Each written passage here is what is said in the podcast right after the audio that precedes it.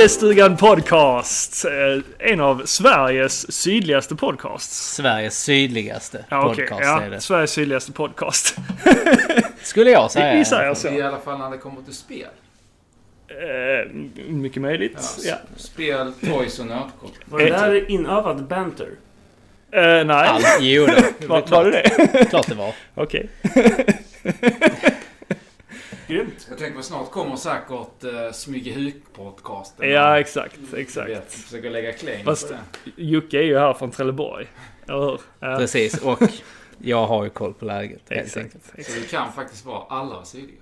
Precis. Ja. Vi sitter ju i Göteborg. Ja, idag är ett litet eh, specialavsnitt då vi sitter dagen innan Retrospelsmässan i Göteborg.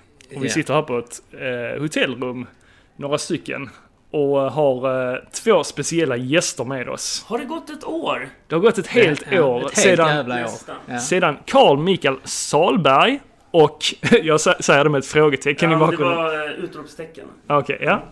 Och Martin Lindell. Välkomna grabbar!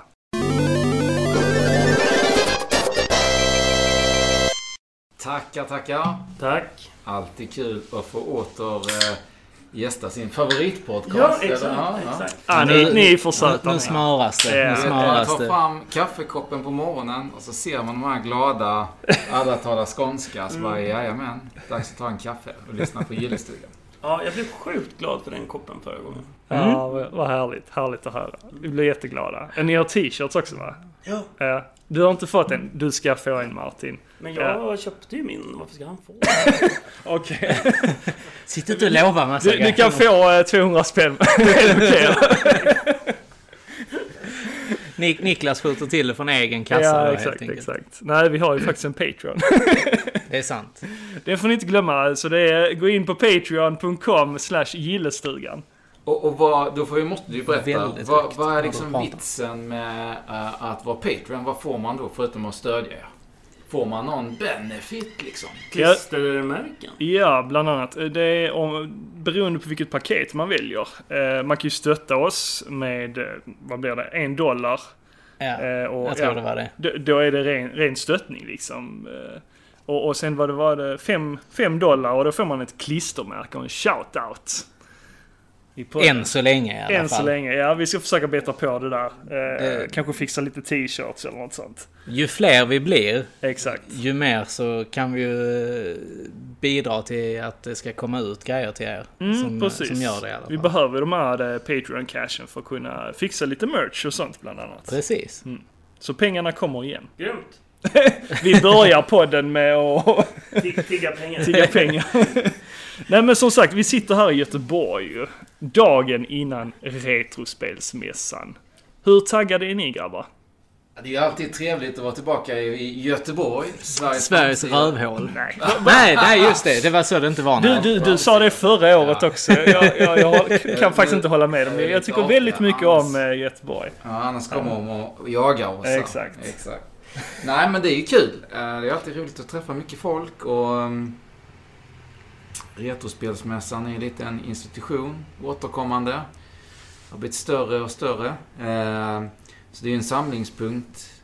Det är ju kanske inte lika gemytligt och ehm, så här kult, lite liten, eh, mysig som det var. Utan nu är det ju större.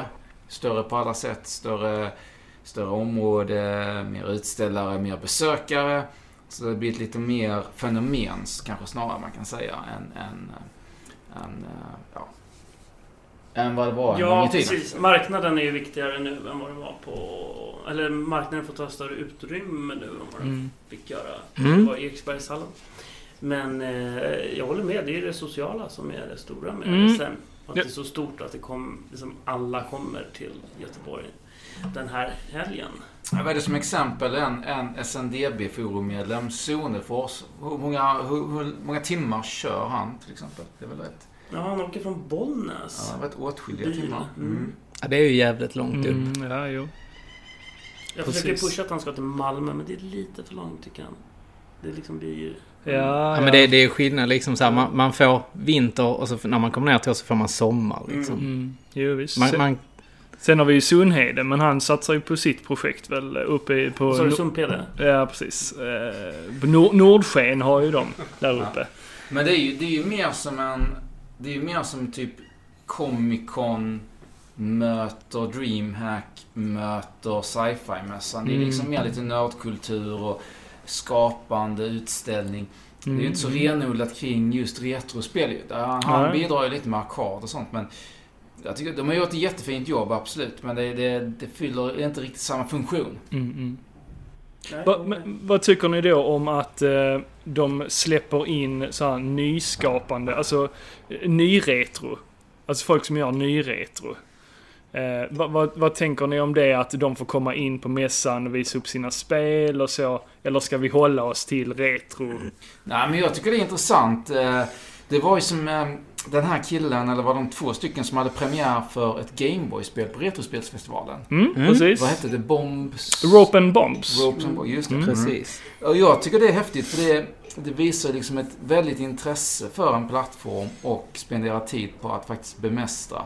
Det är mycket mer begränsningar men också mycket mer begränsade verktyg. Mm. Nu börjar det komma grejer som, som det här äh, NES... Äh, NES-maker. Exakt, så Mm, nu börjar det bli lite enklare faktiskt. Mm. Men samtidigt jobbar jag under väldiga restriktioner vad det gäller hur grafiken utformas, vilka parametrar du kan ha. Eh, Och då kombinerat med att det finns en slags levande kultur kring, kring retrospel, vilket gör att det är kul att det kommer mycket nya spel. Det kommer ju en våg av Dreamcast-spel, sen kommer ju de här äh, NES-spelen. Det finns ju ett svenskutvecklat till exempel Quest Forge, eller vad heter Just det, Eh, ja, ja. Från, Jag såg det faktiskt nu idag. Ja, Mm. från, Någon som eh. Cortex hade jag. Ja, från Cortex hade det. Skövde, tror jag det är. Uh, Skövde! Skövde! Ja, och, ehm, och det, ja, det är kul, så det har ju blivit en stor grej det här med att, att komma ut med ny, ny retro liksom. Så ni välkomnar dem alltså? Ja, men det är, man kan ju säga, vad som är intressant här, det är som en avart.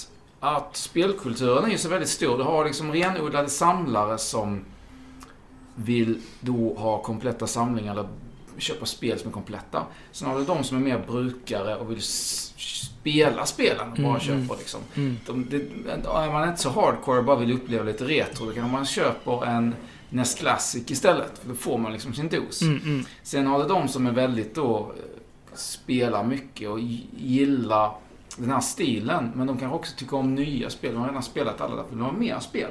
Så köper man de här nyretrospelen. Mm. Man kanske vill liksom vara, tycka det är mer genuint på den plattformen. Även om du har otroligt mycket bra nyretro i form av indiespel på konsol och PC. Eh, Sen har du liksom de konstnärliga avarterna som de pärlplattor, målningar som Mm. den intervjuade Sluska Sluska fan här om avsnittet ju. Precis. Ja, Mm. han är också otrolig talang ju. Oh, så ja. det finns ju väldigt mycket, man kan säga liksom olika grupperingar. Så på det sättet är det kul att hela retrospelskulturen har växt.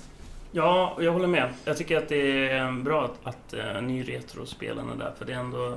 Den här estetiska kopplingen till de gamla spelen finns där. Mm. Eh, och till skillnad från mässan i Norge där Microsoft i alla fall ställde ut nya spel. Då passade det inte alls in i Retrospelmässan.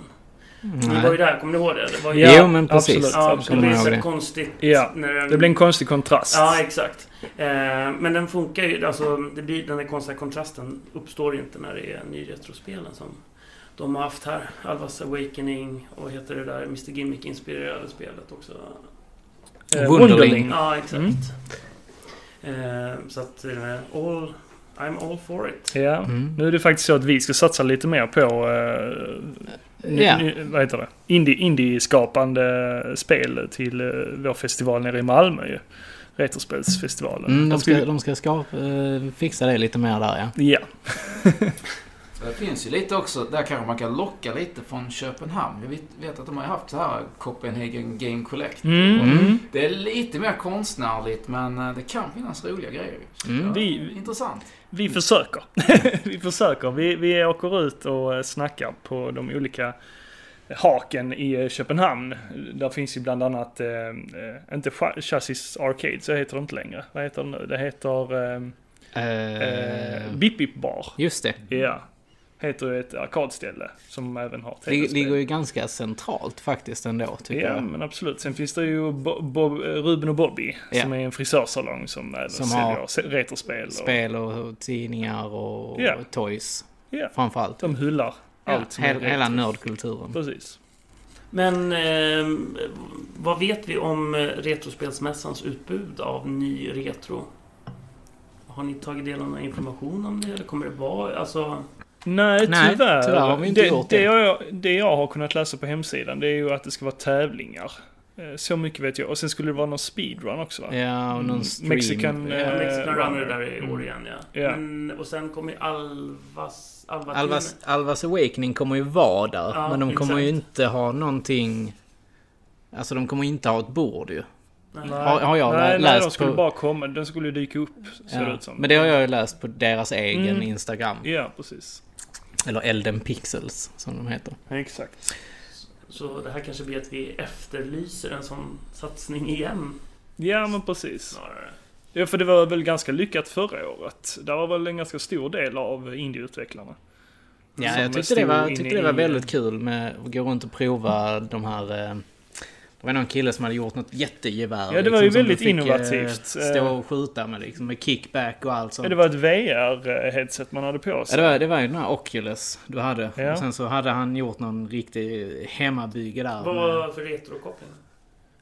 Ja, Ja, nej, det, kanske väl- det inte var. Ja, men det var, Ja, det var ju det, det var ju mer lite det, retrodator-stuk på det. Alltså, det var ju mer pixel än vad det Jaha, var... okej. Eller, ja, men tänk, tänk dig ett gammalt eh, spel, ja. Quake-typ-aktigt. Bara det att du stod, fick ju stå still, men så kom Ja. det myror mot dig. Okej. Mm. Men det var ju, det var ju i retrostil Ja, Okej, ändå. ja, men då, då är ju Ja, där. det var Mm. kul. Ja, sen var det någon som hade, de hade byggt någon arkadmaskin av, eh, vad heter det, kartong. Ja. Ja, där man skulle slå på, ni, testar ni också det? Nej? Nej. Det, det var rätt häftigt faktiskt. För man skulle, man körde bil. Och så skulle man då röra vid olika saker på instrumentbrädan. Som att det fanns en ratt och där fanns en broms och där fanns en Nej, just det, det gas. körde du, och så ja. skulle man tuta och så skulle man ju göra olika Men det är kommandon. ju som det där uh, Mega-CD-spelet. Mhm. Har du inte det? Road Adventure. Jaha, okej. Eller? Det det har Det är kört. Det är såhär quick time events. Ja, det Ja, exakt, precis. så Det var det. det spel, exakt. Ja. Ja. Mm. Mm. Men eh, om vi frångår mässan en liten stund där. Så eh, hur, eh, hur ser det ut i Retrospel-Sverige ett år senare? Jag, Om man jämför alltså, med i jag, jag, fjol. inte, jag tycker inte vi pratade så mycket om det förra året. Det kändes som att vi satt och tjötade massa annat. Vi kanske kan gå djupare nu. Mm, absolut. Mm? Ja, hur det ser ut. Alltså, Är det hög temp eller är det, har det svalnat av lite? ja, man, man kanske inte bara ska mäta med, med liksom om det är varmt eller kallt. Mm. Kanske- Hur, hur ser man det om vi säger så istället? Ja, men alltså det är väl att... Alltså min analys är väl att, eh, att, liksom, att retroscenen skiftar och liksom byter, byter riktning ibland. Mm. Mm. Ehm, Och det är inte fel. Nej, Ja. absolut inte. Ehm, och till exempel vid 2014 där så kom ju den här pri- prishetsen när det trycktes Mm. upp Mm. flera prisrekord. Även om det kan gå, spel kan slå prisrekord nu så ser man ju en tendens liksom att topplistorna med de dyraste är ju verkligen fyllda där kring Mm. 2014. Mm, mm. Och nu när du nämner topplistor, är det de topplistorna som ni har på SNDB ja, då? absolut. Ja. Mm. Ehm, vi är väl de enda som för sån stat- statistik. Ja. Vad jag vet i alla fall. Ehm, Sega Lovers. Ja, de gör ju det för Mega Drive. Ja, mm. absolut. Ehm, men samtidigt, jag menar, vi har en så stor mässa nu med så många besökare så man kan ju inte säga att det är svalt heller.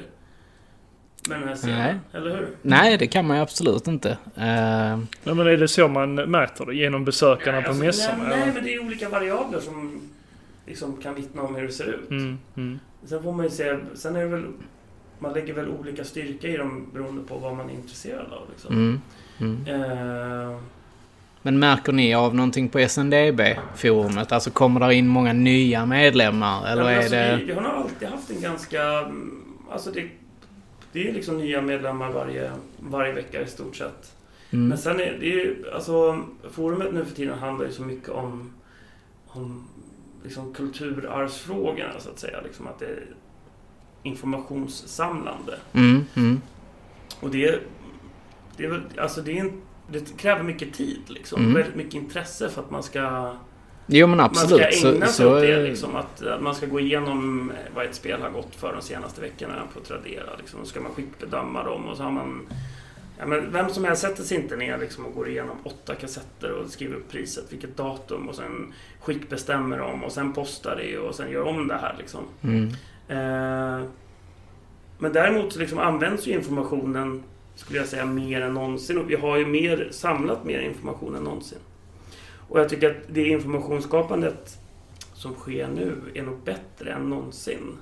När jag tog över forumet i slutet av 2012, då fanns inte ens all, alla NES-spel hade inte ens en egen tråd. Mm. Nu har alla NES-spel, alla SNES-spel, alla 64-spel, alla Gameboy-spel, GBC, GBA eh, och GameCube. Alla de har egna trådar nu. Mm, mm. Sen där det finns möjlighet att, att föra in statistik. Och det sker liksom en diskussion. Just nu pratar vi om Molemania till Gameboy som ska vara ett sent svensk, svensk släppt Gameboy-spel. Men ja, det råder lite tveksamheter kring det. Jag tycker det är roligast som finns. Mm. Mm. Vi, ska, vi kommer lägga in ett nytt Super Nintendo-spel som var Sony-importerat, som inte har funnits liksom officiellt. Star Trek-spel. Mhm. Makes my day att lägga in, lägga in det till. Så Mm. det är inget speciellt, det är alltså det är. Så att det är Mm. multi... Alltså det är flera språk i manualerna än de nordiska. Liksom. Mm. Jag, alltså för mig är det guld värt. För någon månad sedan, eller några månader sedan, gick jag igenom sålda superset-paket på Tradera. Och så ser jag en såld auktion, det ligger ett superset och sen ser jag bara liksom på bilden, det ligger något annat krimskrams på. Ja, så klickar jag mig in på den, ska se vad är det här som ligger i så konstiga papper. Och så ser jag att det är ett halvt A4 av något konstigt liksom. Och, den, och det är ett superset och det är några NES-spel. Inget av dem ska ha ett A4. Så Jag A4 kanske ska snabbt säga att Superset är alltså basnätspaketet Mm. med... Ja, det sista. Nej, är det Nej, det med nej. fyrspelare? Fyra spel, ja. Mm. Så det är Mm, okej. alltså multikassetten med ja. Nintendo World Cup, Just det. Tetris. Tetris och Super Mario. Ja, exakt. Mm. Mm. Det var en fyrspelarlapp. Så den fanns såld. Och sen låg det några spel till och sen en konstig A4-manual som inte tillhör något av de här spelen. Så bara, jaha. Och den köptes på Köp Nu. Så då kan man inte se vem det är som har köpt den. Mm. Men så går jag in och ser på säljaren så ligger den fortfarande kvar så jag får fram ett namn på den som har köpt det i alla fall, eller ett nick. Mm. Den personen har inga auktioner ute så jag kan inte kontakta personen.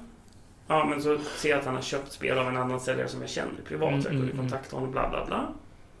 Och så börjar jag mejla honom. Du, jag såg en annons här, jättekonstigt, bara från ingenstans. Mail. Så jag Bara hej! Har eh, köpt ett superset, det låg ett konstigt papper med. Vad är det för papper? Skickar en gång, han svarar inte. Skickar två gånger, han svarar inte. Skickar en tredje gång. Han bara, vad fan är det här för jävla bara, Ja, idiot? men då, svarade. Och så hade vi, fick jag till slut köpare för 100 kronor. Och så var det ett, ett, en A4-manual A4 till ett Gameboy-spel som eh, man bara trott liksom, det finns med på Bergsals lista men det finns inga som helst belägg för att det har sålts i Sverige. Nej. Så har vi en A4-manual och då kan man skriva in det i kanonlista av vilka Gameboy-spel som släpptes. Mm. Och vilket var det då? Star Trek Beyond the Nexus. Och på A4-manualen så var det till och med felstavat rubriken. Så istället för st- eh, Star Trek så står det Start Trek. Star Trek. Den nivån. Ja. Och Ja, sådana nej. sak, det är...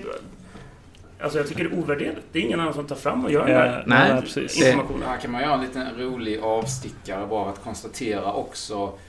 Vi pratar om olika typer av samlare. De som samlar, de som får spela. Sen har vi de riktigt djuplodade samlarna som eh, vill ha A4-papper eh, till som kompletterade då utgivningar för att ha en svensk manual.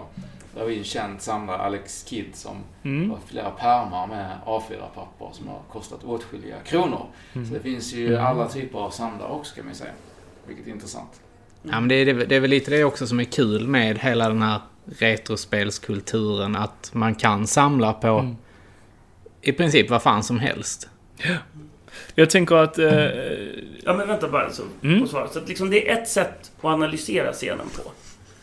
Det är, liksom, det är vad forumet håller på med just nu. Liksom. Men, men sen finns det ju... Det kommer komma kanske 4000 besökare nästa år. Eller nästa år, imorgon, på Mm. mässan. Och alla de har liksom helt egna ingångar. Mm. Så var de...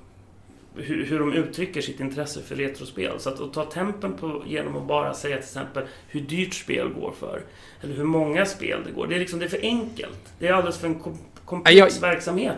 Jo, men när jag, när jag menar tempen så tänker jag ju mer på hur, hur, hur känns, hur tycker ni det, det känns liksom? Är det fortfarande lika... Eh, 2014 var ju ett riktigt superår ju. Eh, och då, då var ju alla verkligen retrospel liksom.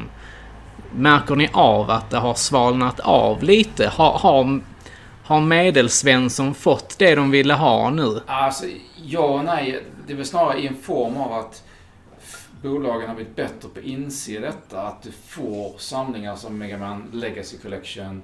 Du får samlingar som den här eh, Disney Afternoon.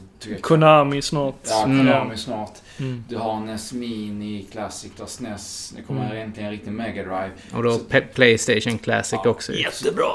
Så du har ju mer, du har liksom, du, och jag menar, ta bara som Nintendo Online. Det är ju lysande för den Mm. som lite nostalgisk och vill liksom ha Mm. access till de här spelen. Mm. Ehm, men då ska man säga då, vad jag kan ha reflektion på min sida. Där Nintendo är alltid väldigt starkt. Och framförallt i eh, då Sverige där vi har en stark Nintendo-kultur tack vare Bergsala. Allt med Nintendo-klubben, tidigt med NES, är väldigt finurliga, satsade väldigt hårt och var flitiga. Så det lever ju kvar än idag. Mm. Mm. Eh, däremot så, rent generellt om man liksom bo- bortser då från det lokala perspektivet. Och det här vet jag inte hur det är i resten av världen, men jag har en känsla av att Playstation och det här med att, ja men okej, först var det nostalgi kring NES, sen var det nostalgi kring SNES, Gameboy. Sen kanske Nintendo 64 började återaktiveras. Men jag har en känsla av att det, det har inte hunnit ifatt, att det har liksom stannat lite Mm. på det som var 80 och 90-tal. Och jag tycker att Playstation Classic är ett exempel på att det här med 3D, gammal 3D, har fortfarande inte fått någon renässans. För det var ju ett tag man verkligen sa, vem vill göra pixelspel? Ingen bryr sig. Mm. Nu är det 3D som gäller. Ja. Men sen Mm. kom ju den här motvågen att det kom indiespel och nya 2D-spel. Och helt plötsligt var det liksom en estetik som var eftertraktad.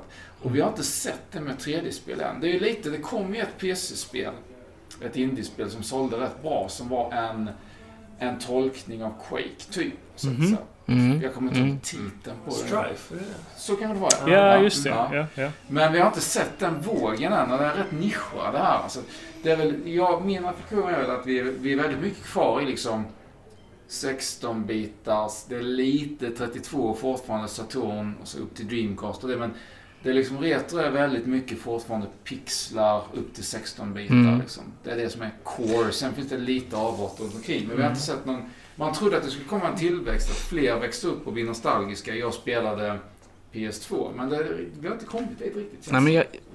Ja, nej men jag, det- precis. Jag, jag hade en fråga här lite längre fram kring detta här för att när man tittar just på Playstation 1-spel idag så visst, där, där är ju väldigt många som inte funkar idag. Alltså där, där du har de här tråkiga jävla grafiken som inte hänger med. Men... Polygoner. Ja, precis. Polygoner. Eh, men du har ju även alla de här som, som Symphony of the Night, eh, Tombi, eh, Crash Bandicoot funkar ju ändå liksom. Trots att det är 3D på ett helt annat sätt. Men där sker ju en ganska eh, stor prisökning där också, tycker jag i alla fall. Ja, det har det varit ganska länge. Ja, det kommer ju stadigt underifrån. I alla fall min... Eh, Men sen släpps de ju på olika plattformar nu också. Det kommer ju till exempel till Playstation 4. Remaster och Ja. Ja. Men här är en fråga som jag skulle vilja... eh, Intressant att höra ert intryck. För nu har ändå Final Fantasy 7 äntligen börjat komma igen. Det kommer ju en Switch-version första gången på Nintendo. Är det inte ett sånt spel som har ett romantiskt skimmer? Jo. Det var sjukt långa, de här limit breaks eller vad de hette. Ja. Vet, planeterna alignas och blixtar och dunder och tre minuter senare får du göra Du, du kan inte fråga Nu, nu, nu, Joakim har, detta. nu har ni fel. Du kan inte fråga jag, Joakim jag detta. älskade Final Fantasy 7 back in the day. Så jag Ja. spelade om det flera gånger Ja. bara för att få dejta Yuffie. Jag tror att det har blivit lite det här romantiska skimret. Det är fortfarande Ja. bra story. Men det, det har inte åldrats med Nej, värdet. Jag det- det- hoppas remastern eller det kan vara... Ja, och det hoppas jag också, för jag vill jättegärna spela det här spelet som alla pratar om och som alla tjatar sönder Jo. ens huvud på. Men det, det, det är också så att... Men, men jag vill inte sitta och spela den gamla Nej. Playstation 1-versionen. Ja, Du kommer aldrig komma åt det Niklas, för det är kört. Det där, den generationens spel, de är fast i sin tid. Jag, tror- jag, alltså det är precis som Martin säger. Jag tror att 16-bitars och den typen av grafik, den är fulländad. Och det är som att är ingen som kommer sitta och spela Pong igen och de, sådana tidiga spel. För den grafiken är inte fulländad pixelgrafik. Nej. Den är inte tillgänglig längre. Det, Den, det är den är liksom- inte tilltalande på det Nej, sättet. exakt. Estetiken är inte Ja, likadan. alltså jag, det här också, här handlar också om lite om gameplay. Vissa av de där spelen är ju riktigt bra. Jag vill hävda att Pong är på något sätt det mest avskalade. Eh, däremot håller jag med dig till 95% när det gäller allt som jag tar i 2006. Ja, men jag, jag menade inte Television. gameplay, utan Ja. just den här när Mm. liksom IT. Det är ingen den typen av... Mm. Det är liksom... Det är inte, det är inte tilltalande. Okej, sig- det är mer rent visuellt. Ja, exakt. Mm. Mm. Eh, med. Ja. och ehm, det är ett 16-bitars eh, håller den idag, för det är fulländat i sin form. Mm. Ja, ett sex, Nintendo 64-spel, eh, liksom vi tar racing-genren till exempel, eller liksom samma sak på Playstation 1. Den graf, liksom, det estetiska uttrycket är inte fulländat. Där liksom lyser bara de här begränsningarna igenom, tycker Mm, jag. mm. Och då tror jag inte att det kan få samma genomslag igen. Jag tror inte att man utvecklar ett, liksom ett ny retro spel som bygger på de begränsningarna. Som bygger på eh, polygoner liksom. nej, nej, men den nej. typen. Alltså det. Det, det stämmer ju. Det här är intressant för att nu, nu blir det lite... Jag jobbar ju med eh, Raw Fury till vardags. Men vi ger ut Kingdom. Och det är ju Jättebra nyretro. spel. Ja, precis. Det är ju nyretro. Men det är också... Man har ju HD. I princip skulle ju pixlarna kunna vara hur små som helst. Men det finns en charm i att Mm. de är lite blocky. Att det Mm, ger mm. lite karaktär. Sen det är ju andra effekter som reflektioner, ljuskällor som gör att det blir ett mer levande spel. Alltså Mm, mer mm. mysigt. Men man vill hålla fast vid han som skapade från början, eh, Thomas van der Berg, Nojo. Han håller ju fast vid liksom, det är väldigt noga att det är liksom rätt eh, storlek på pixlarna. Det ska vara liksom, Ja. det är så byggstenar liksom för spelet. Mm. Mm. Men eh, på tal om eh, Final Fantasy 7. Han fastnade. Ja, jag, jag fastnade där lite. Eh, det, var ju faktiskt, det var ju faktiskt så här att där, där skulle ju komma en, eh, en remaster till det faktiskt. Till, Ja. Till PS2. Jaha. Där man hade bytt ut eh, de här pixliga polygonmodellerna Mm, mm. till en, eh, en lite bättre variant faktiskt. Som... Eh, Ja, det visste jag inte. Men de, man, man behöll ju fortfarande de här förrenderade Mm, mm. grejerna, men man gjorde karaktärerna eh, mer visuellt attraktiva. Mm, mm. Hade de gjort detta här så tror jag att det hade kunnat leva kvar lite bättre faktiskt. Ja. Eh, tittar, ti, ja, men tittar du då på till exempel eh, Final Fantasy 7 Crisis Core Mm. till exempel. Som är ett väldigt bra spel. Ja. Eh, till PSP. till PSP ja. Mm. Där, där har du eh, riktigt bra. Hade de gjort den grafiken till exempel så hade det ju hållit ännu längre idag. Jo, men precis. Och därför så tror jag också att my- mycket av JRPG-spelen till, till PS2 kommer att fungera lite längre fram. Också eh, lite andra PS2-spel faktiskt. Men det, det, där har vi ju de som spelade dem när de var små. De är nog inte riktigt här än. Tror jag inte. Men klart, PS2 var ju 2000 till 2006 typ. Mm. ju. Mm. Så då är det ju... Ja, det är inte riktigt nostalgiskt än. Då Nej. Det, ja, precis. Om man var 10 år då, säg att man var 10 till 15 år, då är man alltså typ... Ja, i och för sig snart, som några år kanske. Då Mm. var man bara uppe i 30 där kanske snart. Mm. Alltså för mig är det någon aspekt också med att... ehm, alltså... Det kanske är en åldersmässig när man var för gammal runt 2000-talet. Men jag, det för mig är inte liksom samma charm där. Alltså jag tycker att eh, spelvärlden, alltså liksom branschen om man ska säga, var intressantare tidigare. När den var mer lekfull och den inte var satt Mm. Mm. i sina strukturer som är ännu starkare idag. Eh, men jag vet inte, det kanske är en åldersfråga att man tycker liksom att så som Playstation-magasinet eller mm, Club Nintendo var runt 2000. Eh, att det finns någon liksom charm kring hur, hur den branschen såg ut då. Men jag tycker att den är förfärligt tråkig liksom Mm. bara. Ja men det stämmer, det har ju blivit en, det har blivit en mer... Eh, vad ska man kalla det? En mer global. Alltså man vill kontrollera varumärket, man vill bygga enhetligt. Man vill inte att det ska komma liksom Mario-mackan helt plötsligt från ingenstans. Ja, kanske inte Nintendo i, skulle ha godkänt idag till exempel. Nej, jag tror inte att Bergsala idag har um, konstnärer som gör egna Mario-tolkningar. Mm. Liksom. Det, Mm. Mm. det känns inte som att det skulle vara gångbart. Mm. riktigt. Mm. Ja, det är lite tråkigt på ett Mm. sätt. Ja. För jag tycker ändå Nintendo har ju ändå hållit sig ganska eh, lekfullt. Gud vad många läskeblask vi öppnade. Just det. Ja. Eh, Jag har en fråga. Eh, Ni, ni, du pratade ju om SNDB innan som för statistik och, och så över Retro-Sverige. Jag vet ju även att Kungliga biblioteket eh, samlar ju på sig spel som släpps efterhand. Eh, och de, jag har för mig att de har haft lite problem med det där med olika rättigheter och så. Eh, har, har ni något samarbete med Kungliga biblioteket? Jag råkar ju jobba där. Du gör det? Ja. Oj, oj, oj. Är det- Änt, äntligen fick vi svar Ja, på vi det. fick svar på var Lirod jobbar Ja. Vi, vi, satt, vi satt faktiskt och diskuterade detta i bilen på vägen hit. okej. Bara, var Ja. fan Jag jobbar var, Leroy? tänkte att det var snyggt upplagt. Ja, Ja. Jaha, nej. ja, det var det ju. Ja. ja uppenbarligen. Är, är det så att du eh, är med och driver eh, någonting där eller? Nej, jag jobbar inte på den avdelningen. Okej, Eh, okej. Filmspel och... eh, Du har hållit på sedan 90-talet? 90... eh, 94 94 ja. så blir det en, en eh, pliktlag även på, på eh, spel. Mm, just det. För de har ju haft en lag sedan kung, vem det Sen nu... 1600-talet Ja. så har det varit pliktleverans Ja, för det som har publicerats i Sverige. för böcker och... Ja, Ja, har film också. På 1600-talet. Nej, nej men som har eh, blivit film också. Ja, Efterhand. absolut. Ja. Eh, ja, fi- Ja, Svenska, det fi- nej, nej. Svenska Filminstitutet har bara pliktleverans på material som de har stöttat med pengar. Det är inte, Mm. så att, Ja, Okej, det är okej. inte som att alla trycker liksom... Mm. Nej, men strunt samma. Ja, vi pratar om spel här. Ja, Ja. exakt. Eh, sen 94, men det har inte alls fungerat. Det har inte det? Nej, okej. precis.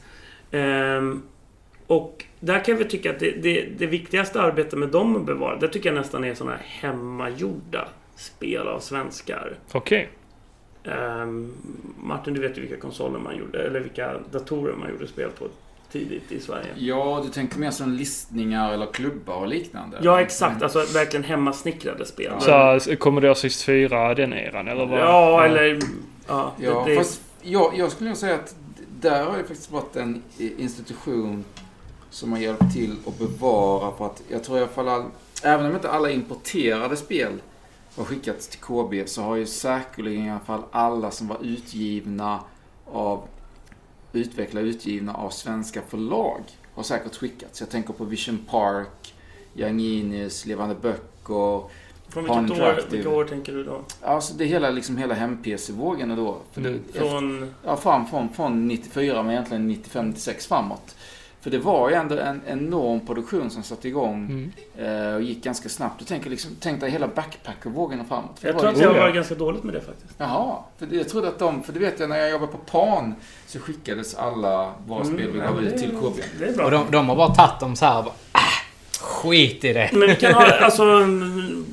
Jag ska kolla upp det här bättre med Mm. mina kollegor på den avdelningen. Men jag har sökt lite granna och ett, de har ju till exempel, nu har de ju någon form av Super Nintendo Drive. Mhm. Där de vill att folk skänker spel till dem. Mhm. Ja. Men alltså där är samma sak, jag vill lyfta, alltså de tänker ju liksom spelet. Det är spelet det viktigaste. Mm. Jag tycker, nu har inte jag pratat med dem så jag, men, men jag tänker man ska tycka att det är lika viktigt att hitta liksom rätt kassett med, med Mm. rätt produktkod så att det blir den som har sålt i Sverige. Är det endast fysiska spel? Ja, exakt. Det- Jag tror inte att pliktlagen nu inkluderar till exempel inte helt digitala spel bara. Okej. Så mobilspel behöver du inte leverera dit. Nej. Så det är, en, det är, ett- det är ett problem. Det är, eller det är ett annat problem helt enkelt. Men jag tror inte de har liksom kommit så att de tänker på materialiteten kring spel. Så att om de vill bevara ett 8-bitarspel, då tror jag att de nöjer sig med att de får in en kassett av Super Mario Bros. Men det, det finns ju så många fler aspekter. Det hade ju varit kul att ha med rätt kod som du säger. I alla fall ett SEM. Ja, exakt. Och det är allt det som forumet har handlat om. Så att jag tror att ja, om man lyckas kommunicera eller kombinera den informationen och ge den till dem så tror jag att det blir en... Jag var ju med på det här eh, seminariet. Var det också det? Bevara spel? Nej. Nej, för KB arrangerade ett eh, seminarium för några år sedan. Mhm. Ja, Bevara spel. Ja. Och då handlade det ju mycket också om eh, inte enbart kring... Spelvärlden också. Ja, exakt. För vi har ju ett problem med att det är online-spel och spelen liksom... Eh, Ja, det blir ju fler av dem. Ja, och framförallt det här med att spelet är inte bara koden och spelet du spelar. För att när du är ett, ett online-spel, World of Warcraft är det bästa exemplet, Mm. då utgörs ju spelet av spelarna. Vilket gör att Ja. Visst, du, du har ju parametrar som grafik och liksom här äventyr, men det blir spelarna som formar narrativet. Mm, mm. Och det försvinner på något sätt när servrarna släcks ner. För att då är inte ens... Dels kan du inte spela det, Mm. men framförallt så är det liksom en pågående story som upplevs av spelarna. Mm. Och det fanns ju en, ehm, det finns en väldigt bra podcast som lades ner, som bara gjordes ett par avsnitt, som heter A Life Well Wasted. Och jag tror att ett av avsnitten, nu börjar man bli gammal och gaggig, men jag tror att ett av avsnitten handlade just om nedstängningen av ett, en online-värld Mm. så här sista liksom, timmen när man hör folk börja gråta när de pratar med varandra. Så här, liksom, the end is near. Och där har vi ju till exempel eh, Halo 2 var det väl online-servrarna där som stängdes ner. Och det var ju st- ett stort community som spelade det. Och det stängdes ju ner till Ja, slut. men det, är liksom, det, Mm. det känns som att då har man tänkt till steg nummer två. Eller som vi säger så här. Om utgångspunkten är vi ska bevara kassetten eller skivan Mm. där informationen finns. Mm. Sen har man tänkt nästa steg. Nej men vänta, vänta. Även om vi lyckas starta en WoW-server här på KB så kommer inte den kunna visa hur det var för den är utan spelare. Mm. Men, men är det så, inte... man, så man ägnar sig ju åt att filma Mm. servrar där folk spelar för att kunna bevara okej, det. okej, okej. Men jag Mm. tänker, jag vill ju gå åt andra hållet. Jag vill ju inte gå djupare liksom in i liksom spelens... I utförandet. Jag är ju mest intresserad av att gå liksom andra hållet åt materialiteten. Mm. Jag skulle ju snarare säga så här, men vänta nu, är det rätt dammskydd i den där Super Mario Bros-kassetten ni har? Det hållet vill jag gå åt. Mm. Liksom. Jag vill ha liksom... Den Frigolitbiten. Ja, frigolitbiten för att... eh, Jag hörde kommentaren på Petri Spel om, Petri, Petri Spel om, var det rätt plastpåse till uh, ja, det, var ju, Star Tropics? det var ju ändå som fattades tyvärr. Just det, vi får nämna det. Lirod han var med i Petrus spel nu i senaste avsnittet och pratade om eh, Star Det Tropics. stämmer. Det stämmer. Ja, men det, i alla fall. Så att jag vill ju gå åt andra hållet. Med- där materialiteten blir viktigare. Liksom. Och en av avdelningarna på KB heter Vardagstryck. Och där ska man samla allting som liksom inte är en tidning eller en bok. Utan eh, kebabmenyer, Mhm. eh, Så reklam. Allt som trycks i, trycks i Sverige ska sparas. Oj, jaha. Ja, självklart så finns inte alla Ja, kebabmenyer nej. därför att alla tryckerier och alla andra såna här, Ja. de är inte noggranna med det. Men det ska. Ambitionen är att allt ska finnas där. Men vem är det som tar ansvar för att skicka in det? Det ska tryckeriet göra. Det ska tryckeriet Ja, göra? jag tror att det är så. ja. Jag är inte expert, jag tror att det är det. Och det här har vi, här har vi en, nu kanske vi går liksom lite nördigt djupt här men Det är det vi är till för. Ja, det är också globaliseringen har gjort att man trycker ju mycket saker i eh, Säg Estland, eh, tror jag- Slovenien då och andra tror jag faktiskt Och de- de har inte, de har inte, då skickas det ju inte från tryckeriet. de, nej. de är inte omfattade av det. Nej. Då Nej, tror jag nej, att det är de beställarens Ja, okej. skyldighet. Om det är tryckeri i Sverige så är det. Det Okej. kan skilja sig mellan böcker och tidningar också. I alla Mm. fall. Men det gör ju att mycket material som trycks billigt utanför Sverige kommer ju aldrig bevaras. Nej, men det är väl klart att alla pizzamenyer inte finns Mm. bevarade. Nej men så, så som att eh, till exempel de här eh, mässorna vi har i Sverige. Det har ju blivit ett avtryck i retrospelskulturen. Exakt, och frågan är om planscherna skickas in till exempel. Alla affischerna som har Ja, gjorts. alla- exakt. Skickar ni in er? Eh, det, det, jag tror... Nej, det det, här gör. det här tryckeriet är nog inte från Sverige. Nej, exakt. Nej. Det vore ju, det, alltså, det vore ju skitgrymt. Det ska ju. Så det, har ni kvar några så ge dem till mig så, så ser jag till att de blir donerade. Suveränt, det ordnar vi. Ja, men när jag började där då började jag prata med de som jobbar på den enheten och jag bara tänkte Bergsala. De ska ju ha alla Oh, ja. tryck som Bergsala har gjort. Precis, precis. Ja, men det är svårt för Bergsala också. De har väl... Ja, men tryckeriet ska ju förmodligen göra det. För det, om det är tryckt Okej. i Sverige, det var det säkert på 80-talet. Mm, fanns tror du muren fortfarande. Det är klart vi kunde inte skicka till Lettland. Nej, okej. det är sant. Du, du, hade, du hade DDR. Ja, ja, exakt. Jo, det är sant. Ja, och, och sen så när jag hade lite tid över så gick jag upp med en kollega dit och vi rotade runt och så bara, ah, då hittade jag... Alltså samlingen är uppdelad i olika epoker. Så, hittade jag typ 80 till 90 Bergsala. Och bara tog ut den och bara, tänk om jag kommer få se saker som jag aldrig någonsin har sett förut. Mm, mm. Och så öppnar jag den. Och det enda som ligger i, det är en broschyr för deras telefonsvarare tror jag är. Centurion eller vad. Alltså... Jag höll på att dö. Hur, hur besviken var du? Jag hade väl safeat lite liksom, men ändå drömmen fanns ju att få lägga upp en bild och bara "Ah!" titta. Men, men skulle det räcka med Alla att ta... A4-manualer hade legat där. Ja. Men skulle det räcka om. med att ta en kopia av de här manualerna om man då vill behålla grejerna själv? Skulle det räcka att ta kopior på det här och skicka in till Kungliga biblioteket? Ja, alltså grejen är till exempel, jag har sett att det finns de som har liksom beställt fram fanzines som finns Mm. inskickade. Sen något gammalt science, science fiction fanzine som släpptes på 90-talet har donerats dit och nu var det Mm. någon som ville titta på det. Mm. Så att, men jag tror att det ska, ändå ska vara originalhandling. Så alltså, min ambition är att jag ska försöka köpa så mycket Bergsala papper som jag saknar och sen kunna Mm. ge till dem. Mm. Så att det ska finnas där. Men sen så kollar jag den nästa epok, från typ 90 och in mot 2000-talet. Och helt plötsligt, då har de typ allt. Mm. Och tyvärr så är det ju som jag sa tidigare, det är lite tråkigare sakerna. Mm. Det är som 2000 liksom. Där hade de allt, Club Nintendo, massa papper. Det var någon liten grej jag inte hade sett förut och sådär. Tur de har dig, Lirod. Ja, ja. Det är för alla. Vem som helst kan ju liksom donera Ja. och se till så att eh, det där kulturarvet finns kvar där. Men då måste man ju åka till då- Stockholm. då- det, Ja, man kan skicka, man kan skicka Ja, in. Ja, ja. Det finns formulär på kb.se hur man donerar saker. Ja, jag menar mer på att om man vill titta på de här grejerna sen. Ja, då måste man åka till... Då måste man åka till KB. Jo, det är ändå Kungliga Och det, är ju inte, biblioteket. och det är ju inte KB i Malmö då ju. Nej, Där händer helt andra grejer. det finns ju ett annat... Ja, det finns ju KB, ett annat KB finns ju i närheten i Stockholm med Konstnärsbaren. Men det är det inte. Men, och, och då är det så här, då pratar vi ändå om Bergsala som har varit så stora. Nu vet jag att det finns Dennis Bergström-pärmar där, flera stycken. Men han har ju tryckt upp massa andra saker för de andra datasakerna han har sålt. Hur öppna är de med att dela med sig av det? På Bergsala? På Bergsala? Du tänker Bergsalas egna arkiv? Ja, exakt. Eh, ja, alltså... Pass. Pass. Eh, Arkivet Ja, men man vet tänk- jag inte. Jag vet inte. Arkivet vet jag inte. Jag tror inte de... Jag, jag förmodar att du har varit på i deras arkiv. Nej, det på, har jag inte. Det har du inte? Kanske, kanske snart ska... Har du varit i arkivet? Nej, jag har bara besökt Bergsala. Ja. Okej, okej. Jag vet inte om hur mycket till arkiv de har, ärligt talat. De har sagt till mig att det finns en arkivarie. Men frågan är om den är en, en utbildad arkivarie eller om det är någon som vänder blad där. Ja, vi har någonting liggandes här borta i Ja, den här hörnan ja. här. Det ligger som en liten boll här. Men Det jag vet de har bland annat är ju um, diabilder. Oj. Ja, de dokumenterade ju mycket, så det finns ju... Ja. Men, och det har ju inte digitaliserats alltihopa. Nej, Jag vet du har lagt ut lite bilder från invigningar och sånt. Eh, Är det är dina egna privata bilder eller var har du hittat dem? Ja, om det är gamla så är det antagligen att jag har fått dem av Bergsala. Ja. Mm, mm.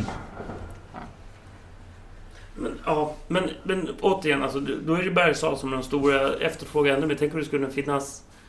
Alltså, det här är viktiga saker att bevara, tycker jag. Jag tycker det är viktigt att Ja, vår svenska absolut. spelhistoria finns Mm. där. Absolut. Och den här tidiga 80-talskulturen i spelvärlden, alltså den sätter ju... Jag menar, där sätter sig hela språket, det har vi pratat om förut. Liksom. Det här bestämmer man liksom, hur språket kring. Ska det vara ett styrkors eller ska det vara ett... Eh, vad är det de säger före det? Jag kommer inte ihåg innan... Vad hette han? Eh, Jan Malmsjö hette han. Som översatte svenska manualerna sen för Nintendo. Men liksom man, bestämmer, man bestämmer ett språk, man bestämmer ett uttryck. Jag, ty- jag tycker att det är värt att bevara, det är viktigt. Absolut. Ehm, och det är väl alla vårt, det är vårt ansvar att, att, att ta hand om det. Om folk bryr sig så får vi hjälpas åt och, och göra det. Mm. Men ska jag ställa min fråga då? Kör hårt. Ja, den här frågan ehm, kommer jag ställa. Kommer jag, när ni lyssnar på det här så har jag redan ställt den till gaminggrannar också. Vad skulle ni säga är skillnaden hos er själva inom den här retrospelscenen? Nu jämfört med för fem år sedan. Ja, men det, kan- det kan jag svara på ganska lätt.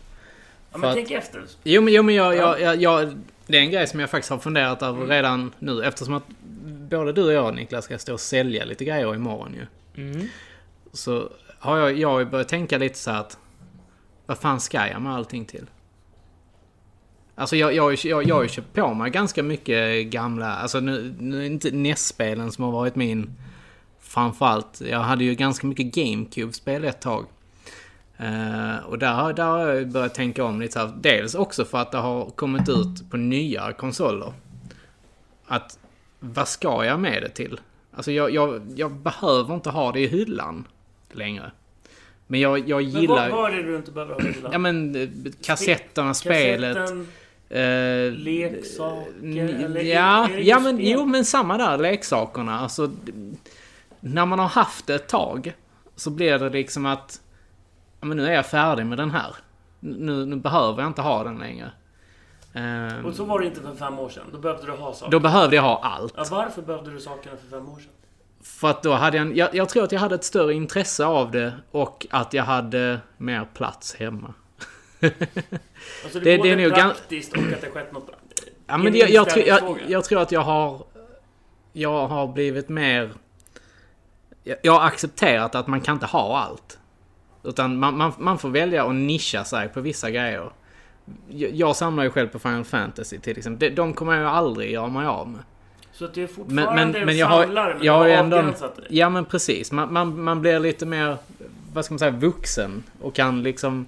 Det är detta här jag vill syssla med. Tråkig beskrivning. Ja, men jag, jag, jag, Nej, men- jag instämmer helt. Jag Ja. tror jag har en liten teori här. Och det är att, för jag gick igenom lite eh, samma process. Att jag köpte väldigt mycket spel. Och man såg någonting att shit, där är en eh, videopack eller ja, vad som helst. Philips videopack. Wow! Den här har jag inte, den här måste jag köpa. Vad Mm. häftigt, kan jag spela den äntligen. Jag tror att utbudet har gjort att helt plötsligt har du haft tillgång till allting. Och jag gick igenom också en fas där jag köpte väldigt mycket på mig för att jag ville testa det. Jag hade inte upplevt det förr. Sen efter ett tag så ser man då att mässorna växer, det blir fler grejer. Och det står samla damm hemma och det kommer bara nya konsoler. Ja men herrejösses, jag började köpa tillbaka spel 96. Då Mm. köpte jag mitt Nintendo på Domus. Mm. Då började jag köpa tillbaka spel. som jag- Rätt period att börja. Ja, Ja, det var, ja, ja, verkligen. Det var ju det. Så liksom när, när man började gå på Retro Gathering så var det helt otroligt att folk hade med sig gamla Atari-spel och Mm. ColecoVision Intellivision. Jag hade ju en Intellivision, det var, ju- fick jag ärva av min storebror. Men jag hade aldrig sett liksom Intellivision-spel säljas. Mm. Så det var helt otroligt att det var någon som stod där och sålde sådana från ett bord. Mm.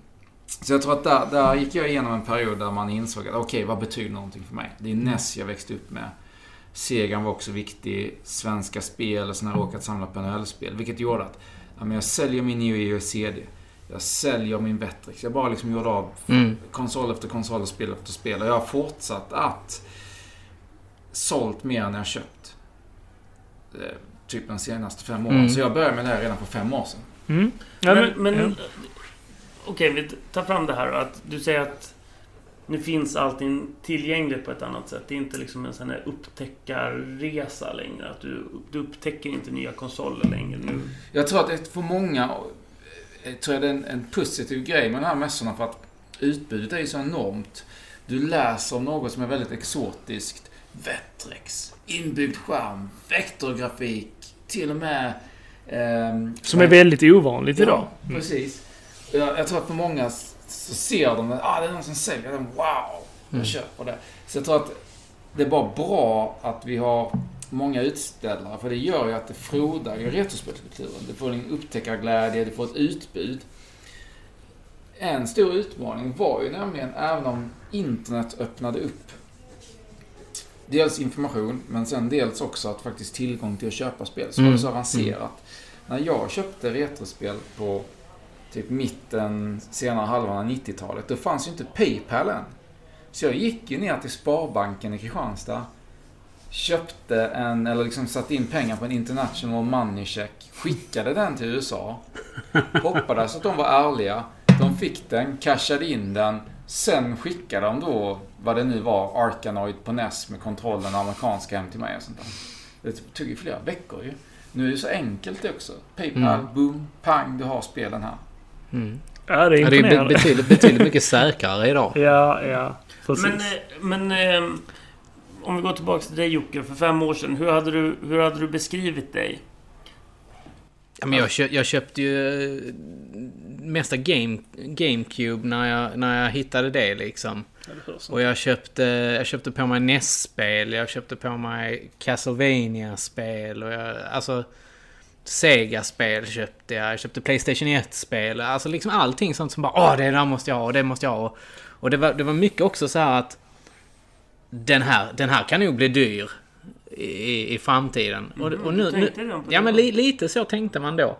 Men, men samtidigt nu så... så ehm, ja, men li, ta, ta, ehm, ta Splatterhouse till eh, PS3 och eh, Xbox 360 till exempel. Den är ändå ganska sådär idag att... I och med att du får alla de gamla spelen till när, när du Ja, har klarat det. också. Ja. Mm. Alltså det är ju en sån grej som man kanske tänkte då att shit det här, det här kommer att slå senare. För att folk kommer vilja ha den istället för att köpa originalen för att de är så jävla dyra. Men Om du skulle beskriva det med några få ord idag då liksom. Vad är du för typ av personlighet på svenska retroscenen? Bara om vi gör det lite öppnare. Den är ju betydligt mycket svårare den frågan tycker jag. Kan jag få eh, komma med en teori? Ja. Gör det. nu, nu har du suttit och Vad var filosoferat du för här. fem år sedan Niklas? Nej, men jag har först en teori. Jag kan berätta om mig själv också. Men eh, för, för fem år sedan, vad är det nu, 35? Ja, då var jag 30. Då var du 30. Mm. Du hade pluggat färdigt.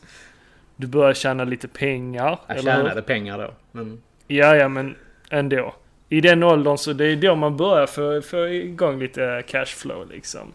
Och man är i den åldern då man känner att nej, men nu, nu kan jag lägga lite pengar på annat liksom. Än det man behöver vanligtvis. ja, jo. Ja. Och du börjar köpa på dig allt. Ja, det Och, och du har varit väldigt fastnat. mycket. Jo men jag, jag är likadan. Du har fastnat lite i det. eh, I den eh, eh, floden liksom. Ja. Ja. Och, och du är ju lite där fortfarande. Vi pratar ofta om det i, i eh, podden liksom. Ditt, ditt uh, ha-begär och ditt, köpbegär. Eh, det, det är någonting liksom man får arbeta med. För jag är likadan. Jag Jo, har, det- eller det jag har varit likadan. För nu känner jag att jag har lämnat det. Jo men jag kan ju säga som så här att det, oftast när jag köper grejer numera så är, så är det ju så här Steam. Mm, mm. Och, och då, då är det billiga grejer på Steam. Det är rea på Steam. Mm. Du, du har Final Fantasy 7 på Steam. Kostar Mm. 2 dollar. Ja. Ja men vad fan, det Hur tar många jag. spel har du i, din, i ditt Steam-bibliotek? Eh, har nog över 250 spel. Ja, hur många av de spelen har du aldrig startat? Eh, där, Nej, det kan du inte svara på. Nej men, Nej, ja, men där är, där, är, där, är, nog, där är Ja, nog ja. 250 Ja. stycken. Eller 200 i alla fall. exakt. Det är, Men det är också sånt som man har köpt på sig för att man bara så här. Ja men det är billigt. Jag, jag har velat spela det. Jag kanske får tid med det. Nej, men det är också, man mår ju bra på något sätt. Och Mm. plus att, alltså jag, för några år sedan så köpte jag också mycket på reorna. Så här. Jag Ja. väntade bara på julrean och sen pop, pop, pop. Och sen är det ju också att de trycker ju på när man får så här, kan gå upp i XP och sånt där. Liksom. Jag kommer jag tror att jag har lagt dit något spel för att ja, men då levlar jag. ja men det, ja, levlar? Varför ska jag behöva levla mitt Steam-konto ja, det, det kan jag ju säga. Där, där, har jag, där har jag varit lite mer på webbhallen. Nej men Du vet att vi känner han som är deras största kund? Den personen var på väg att förlora den statusen och åkte iväg och köpte TV-apparater för tiotusentals helvete. kronor bara för att behålla. Men där har man ju varit lite så här när man, när man har sett att man var nära att gå upp en level där och få bättre... Det är så sjukt! Det är Det är jättesjukt. inte bra! Ja, men- alltså. Förr betalade jag ju 39 kronor i frakt. Nu betalar jag ingenting i frakt. Så att, Fast det räknas ju fortfarande in i priset. ja, Ja. det gör det ju kanske. Men det är fortfarande de här 39 kronor i frakt får du ändå betala utöver det vanliga priset. Ja, men då känns det som att lite av det här beteendet du beskrev att du hade för fem år sedan finns kvar. Att du, du, har en, du, vill, du tycker om att köpa saker. Nej men inte nu. Ja, men eh, nu, nu är det ju inte så att jag känner så här att Ja men nu har jag bara 1000 XP kvar där till nästa nivå där. Ja, Det, det skiter jag ju i idag. Okej, så att du, du har gått vidare. Nu köper Ja. du inte retrospel längre. Nu köper du nya spel. Eller figurer. Eller figurer. Så att beteendet Eller- Ja, eller- nej, vi behöver inte gå in på att analysera varandra, men... Nej, Men- men, men- det, nej, men det, jag tycker det är ganska intressant det du säger ändå. Men Ja. Ja, men Martin, vad, vad är skillnaden för dig? För fem år sedan mot idag? Liksom. Vad, Nej men det är väl som jag fortfarande alltså, sa att jag, jag köper fortfarande vissa grejer men jag säljer mer. Det är mer, eh, alltså man vet mer att det är det här som betyder någonting. Jag har väl gått förbi genom den här fasen där jag spelade allt jag ville spela när jag var liten men som jag inte hade råd med eller som inte fanns tillgängligt. Men jag, har- jag har en helt, jag avviker lite här men jag... Jag, jag tänkte berätta om mitt också liksom. ja, men vi kan jag, jag, vänta, jag, jag, vänta jag ställa en Okej. fråga till er innan Ja. du går in på det. ja, ja. Det är, lite, det är lite relaterat, men något jag har noterat är att leksaker blivit större. Ja, ja, oh, ja. Båda ni är rätt inne på det. Ja. Ja, vad, vad, vad tror ni är som har gjort att det har kommit i en våg? samma, samma nostalgi som uh, NES-spelen faktiskt. Mm. Tror jag. Att det, det är någonting du hade när du var liten och då vill du ha det igen. priset då? Är det inte billigare att samla på, te- eh, på leksaker? Nej. Det Ja, det beror ju på vad man eh, Men, ja, samlar på. nej, ja, nej, jag skulle inte säga det. Jag, jag skulle säga att det är dyrare att, samla på leksaker. Ja, det skulle inte jag kunna hålla med om. Jo, men du. Där, alltså, det beror som sagt på vad man samlar på. Ja, absolut. Ska man samla på alla de här eh, nya figurerna som släpps hela tiden? Vad heter First Four Figures? Ja, fast du tänker... Ja, men jag tänker mer på de här play arts Eller du figurerna. menar leksaker från förr? Från 80-talet? Mm. Är det det du tänker på? Ja. Men ta, ta till exempel Turtles-figurer. Ja. Slash. Ta... Den, 50-lapp. där- Ja, men, nej. Det finns två olika versioner av den. Så där har du liksom en, en billigare version och sen har du en som är lite dyrare. Och vad, vad är det för prisskillnad? Ja men säg det, det kan ju lätt vara 200-300 spänn skillnad på dem.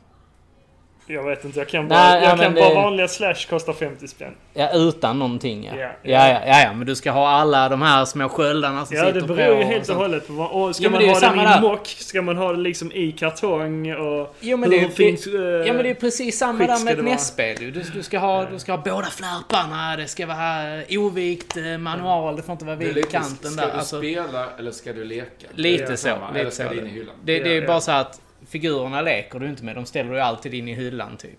Om man, ja, eller där finns säkert de som är 30 plus och leker med figurerna kanske, men eh, Mycket möjligt. jag gör inte det. Nej. Ja.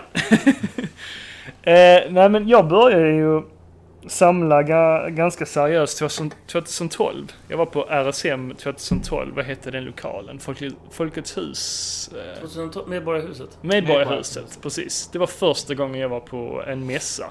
En Och retrospelsmässa. varför åkte du på den? Eh, jag hade några kompisar som skulle upp och sälja. Eh, så hade de ett eh, extra inträde då. Och då frågade de mig, ja men vi har ett inträde här, vill du hänga på? Och du får gratis skjuts upp liksom. Och så fixar vi boende och så. Så ja, men jag hakar på. Hade du köpt något spel innan du åkte till RSM 12? Eh, ja, enstaka från Tradera. Jag vet om att jag köpte min NES på Tradera.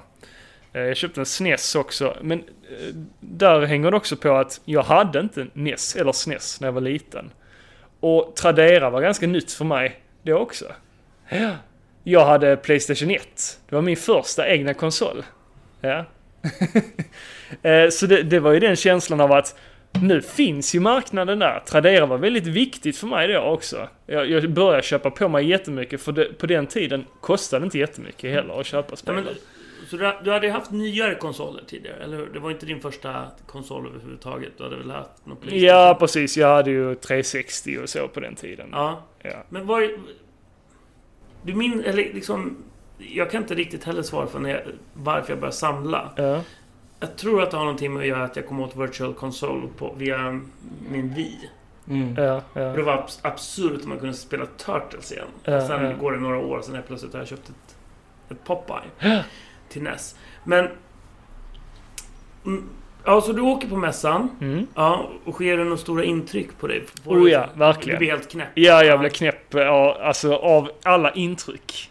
Eh, saker som jag inte mindes att jag hade spelat. Men när jag såg grejerna, det där känner jag igen. Ja, det där måste vara en av de häftigaste beskrivningarna Ja, ja. jag har hört av eh, effekten av en retrospelsmässa. Ja. Att att, att någonting som redan finns kommer Ex- tillbaka. Liksom. Det är, Men det, Men, men det kändes lite, jag har tänkt på det i efterhand. Det, det kändes som en parasit liksom tog sig in i mig och ha-begäret liksom bara tog över. Jag köpte allt. Allt. Ja, men det, där, där kan jag... Alltså första gången jag var på en mässa, det var nog också... Det var nog sista året i, i, på Medborgar. Mm, ja men det var nog platsen. 2012 Det var nog va? 2012 va? Det sista året Eller på var det? Medborgarplatsen. Ja, Ja, ja. Det, det, var, det var första RSM jag var på också. Mm. Och det var, då när, det var då Dave fyllde 30 Ja. eller vad det Ja, var på. precis. När de hade något jippo där på Just. Just. scenen. Och, Ja, och och, så då, hade och de så hade här de den här tävlingen, tävlingen. också. ja. eh, Lawrence Collenberg var där ja. Ja, Ja. precis. Det var rätt kul. Mm. Ja. Nej, men jag, jag kände väl mer så här då när jag kom dit. Att Ja. när, när, jag väl var där. Så hade jag ju hört om de här mässorna som man hade varit på. För jag, jag hade ju följt gaminggrannar ett helt tag där liksom. Och bara Här kan du fynda, det är skitbilliga spel och sånt. Sen kom jag dit där och bara så här försökte pruta lite och sånt. Och bara... Nej, nej, nej, nej. 100 spänn. Och jag bara, nej men vad fan 50 spänn.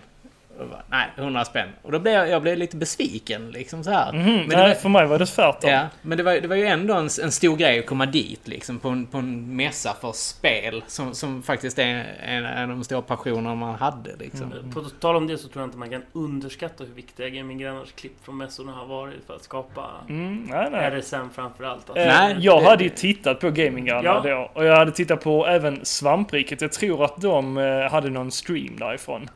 Eh, där de satt på en scen. Mm, Retroresan hade Retroresan det. var det ja. Just det. Vi pratade lite om det innan, att Anders Brunlöv, han hatar Tintin i Tibet så mycket. Ja. ja. Jo, det förstår jag inte riktigt. Men... eh, Ja men 2012, du går på mässan, du har blivit biten av retrospelsparasiten. Ja, exakt. Vi Ja. kallar det det. Ja. Ja, Och du köper och du köper och köper. exakt. Ja. Vad är det som händer sen då? När bryts den... Uh, ja, och sen jag pluggar då också. Uh, och då hade jag inte jättemycket pengar heller. Så då började jag med- det här att jag köpte spel och sen sålde jag köpte batches liksom. Massa, massa spel i ett paket och sen sålde jag av. Och det var så jag kunde livnära liksom eh, samlandet. Eh, Så jag blev väldigt duktig på det. Jag köpte på mig, jag lärde mig liksom vad som var värt, hur mycket och jag lärde mig liksom prisklasserna, vad jag kunde sälja, hur mycket jag kunde sälja det för. Och så kunde jag köpa annat för det. När var det du hittade ditt Mr Gimmick? Det har jag sett en bild på. Eh, 2015, kan det vara det? Tittar du på mig? Ja, men något sånt. Ja, 2015. Det var i en, eh, en butik som heter Galaxy i Malmö. Vad kostar den? Som inte finns längre. Eh, den kostar 150 kronor. Mm. Eh, jag, eh, jag visste ju värdet av det. På den Vad var den värd då? då?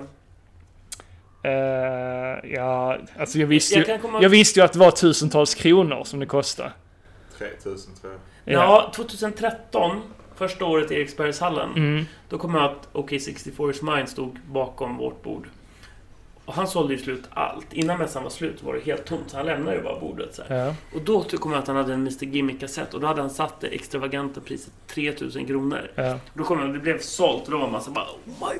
Liksom, Ja, ja, ja, galet liksom. nu är det en 5000 kronors kassett ibland. ja, just nu 3000 faktiskt. Ja, ah, som jag sa, ibland. Jag, jag tror att jag såg att det var någon som gick för 5000 ganska nyligen. Mm, okej. Så det rör sig. Ja.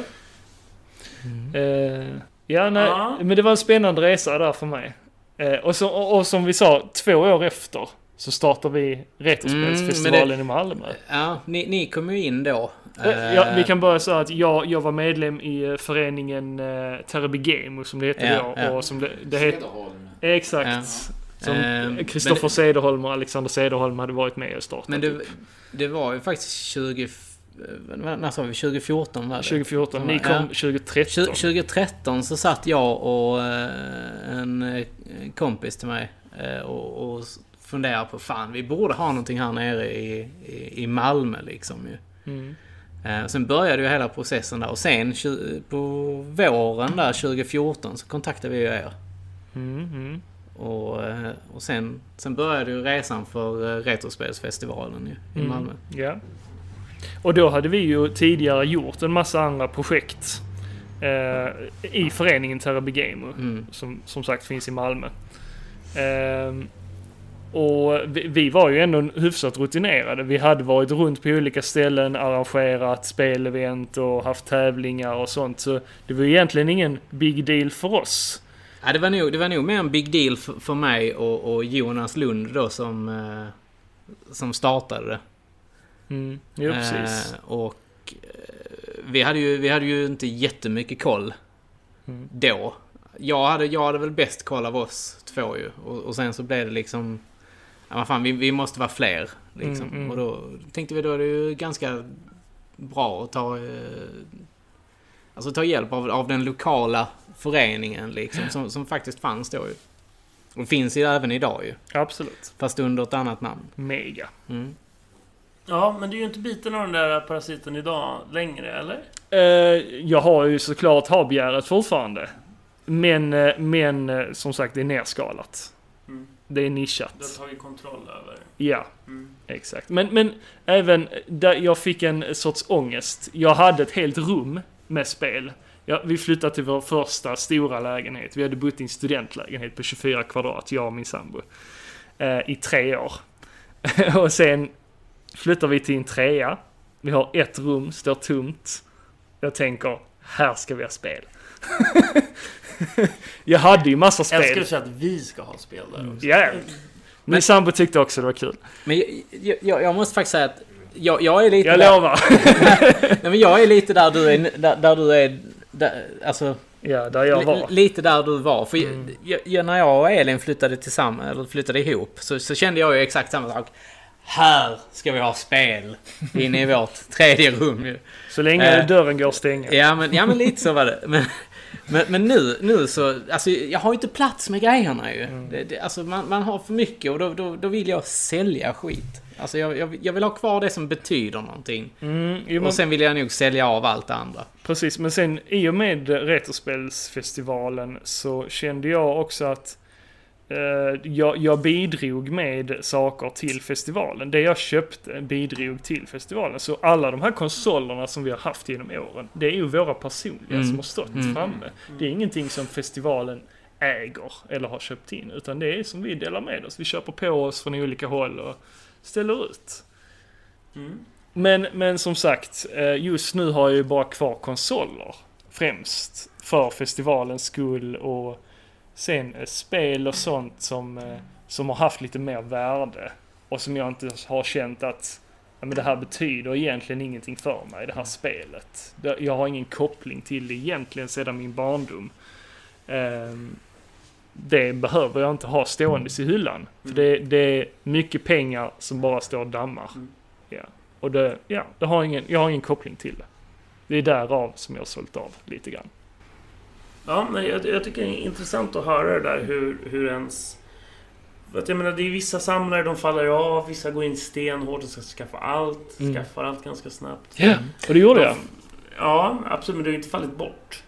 Eh, nej, jag har ju vissa saker kvar Ja, men jag i och menar, du har med inte lämnat scenen. Det finns ju vissa som har köpt på sig, de har skaffat en komplett samling, sen har de haft en, en månad, sen bara, nu ska jag sälja allt. Ja, men det är, de det, det är ju lite mer intressant. Vad, vad är det som får dem att göra det? Är det att de har lagt för mycket pengar på en och samma gång? Nu har jag ju hållit på i många år och köpt på mig och varit... Jag började en bra period också för det var inte jättedyrt. Jag tror att det blir lite som en drog. Ja, På oh ja. samma sätt Oh som det här ja. med att köpa på Steam, att man Mm. ska levlas här. och Man bara ser nästa spel, nästa spel. Man bara Mm. så här, tuggar på så vet man egentligen inte varför. Mm.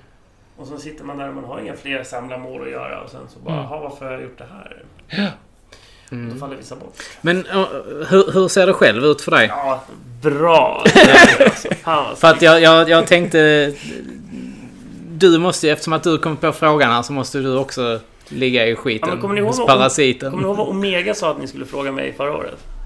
Nej. Efter vi hade spelat in? Ja, ja, det var någonting... Oh, fan, nej, Jag, jag, minns, minns inte riktigt heller, men han sa någonting att, han, att ni skulle fråga mig typ så här baksidan med samlandet. Eller så typ ångesten med att samla eller något sånt där. Ja, Ja, ja. Och för typ kanske för ett år sedan någonting, då hade jag en jättestor kris med mitt samlande. Då var jag också så här, tänkte, men- jag tänkte mycket så här, oj, ska man så här casha in? Mm. Mm, Är det en mm. viktig sak? Har jag samlat det här för pengarna? Nej, det har jag inte gjort. Men det är ändå värt mycket. Ska man casha in liksom? Kommer det kännas jobbigt om man har kvar samlingen och sen är det en värd 500 spänn om man vet att man kan ha flera, flera hundratusen för den. Mm. Och det... Det tyckte jag var ganska jobbigt. Men, men sen släppte det och jag tror att min identitet har gått över mycket mer till det här som kulturarv. Det är det jag föran- förankrar mitt sam eller min så här, personlighet i Mm, retrospelsammanhang. Jo men du, du, lägger, du lägger det i något mer hälsosamt. Alltså du, du försöker skapa någonting Ja, alltså hälsosamt är fortfarande... Jag kan fortfarande liksom, Ja. köpa jättedyra spel i namnet, liksom, in the name of Ja, ja, ja. kulturarv. Liksom. Ja, ja. Men, men det finns andra effekter av det. Det är inte bara att jag köper ett spel, utan Mm. jag vill ha, ha andra mål. Mm. Och det- det är flera, alltså jag känner att jag delar de målen mycket med Martin, som också liksom brinner för att eh, saker och ting ska bevaras och tillgängliggöras på olika sätt. Mm. Så det, det har nog varit min räddning, att jag lyckas jag vet inte, skaffa mig en ny identitet som Mm. Ja, men då har, då har du ett helt annat syfte idag ju. Liksom, med, Ändå, Ja, absolut. ja. Alltså när jag började samla, då var det ju... Jag hade ju inte forumet då eller någonting. Jag var ju bara någon som, precis som ni, bara så här... Först kanske man vill ha de här barndomsspelen och sen bara shit, jag, måste, jag vill ha allt. Så här. Mm. började jag samla Svarta serien, det första jag gjorde. Så här. Sen läggs det bara på och läggs på. Ehm, och jag tror att jag tror att det är viktigt att man liksom em, som en orm på något vis nästan. Att man byter skinn. Mm. Mm. Att man växer ur... Man kan inte ha liksom samma identitet genom hela Nej, resan. nej. Man måste göra något nytt av det, hitta nya ingångar. Och det kanske är att man nischar sig. Mm. Man kanske börjar skaffa sig en cykelmana-samling. Eller en, ja, vad som helst. Eh, och då är det intressant att höra hur människor som har varit kvar länge i scenen, hur de gör det. Mm. Och tror, gör man inte det, då, då kommer man tröttna och då, då tillför man inte scenen någonting till slut. Det är bara att tänka hur många är det som har samlat, som inte är, finns kvar längre Mm. i, i scenen. Mm, mm.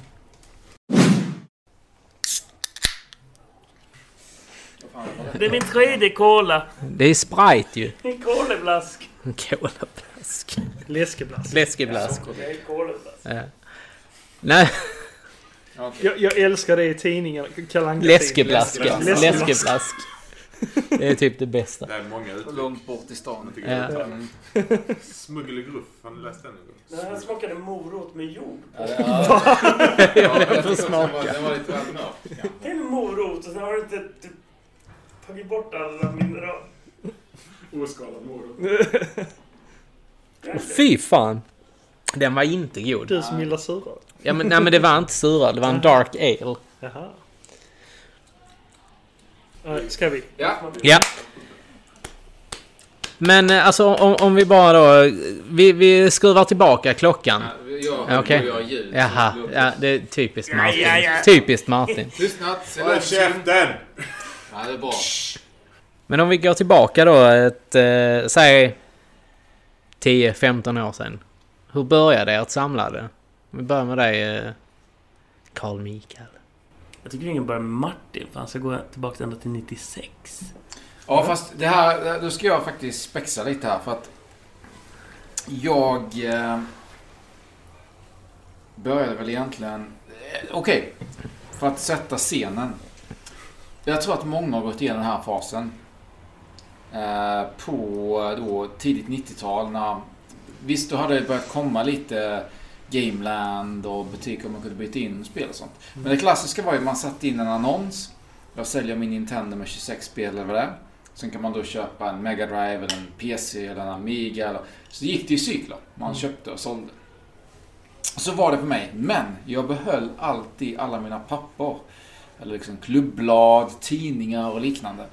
Och en av de tidiga samlarteckningarna var ju att min kompis eh, Johan hade ju blivit medlem i Nintendo-klubben innan mig. Så han hade ju klubblad som jag inte hade. Så jag övertygade honom att sälja dessa klubbladen till mig. Så då fick jag liksom alla klubblad från nummer tre och framåt. Sen i senare tid fick jag äntligen hitta då. Hittade jag nummer två och sen nummer ett köpte jag den genom att nästan, eh, inte mobba ska jag säga, men eh, överdrivet lägga bud eh, hos den där Marcus trots att han inte ville sälja det. Och till sist fick han uh, offer he couldn't refuse. och jag la ner för mycket pengar på det. Det kan vara ett av de dyraste klubbblad nummer ett som har sålts i Sverige. Ja, fan. Ja, förmodligen. Tusen kronor, var det inte det? Jag tror det var mer. Ja, det var mer. Ja. Mm. Det fanns ju en tid när eh, alla papper, när- på forumet när de budkrigade helt, alltså där alla papper gick så här över tusen kronor. Vilken period var det? blad liksom. Eh, Jag skulle sätta, säga 12 kanske. 2012. Mm. Mellan 11 och 13 ungefär. Så var det två samlare som, ja, som höll de priserna uppe. Ja, men sen, sen är, stämmer det som du säger, 1996. Då började jag köpa tillbaka spel för då började jag få lite lätt disponibel inkomst. Mm.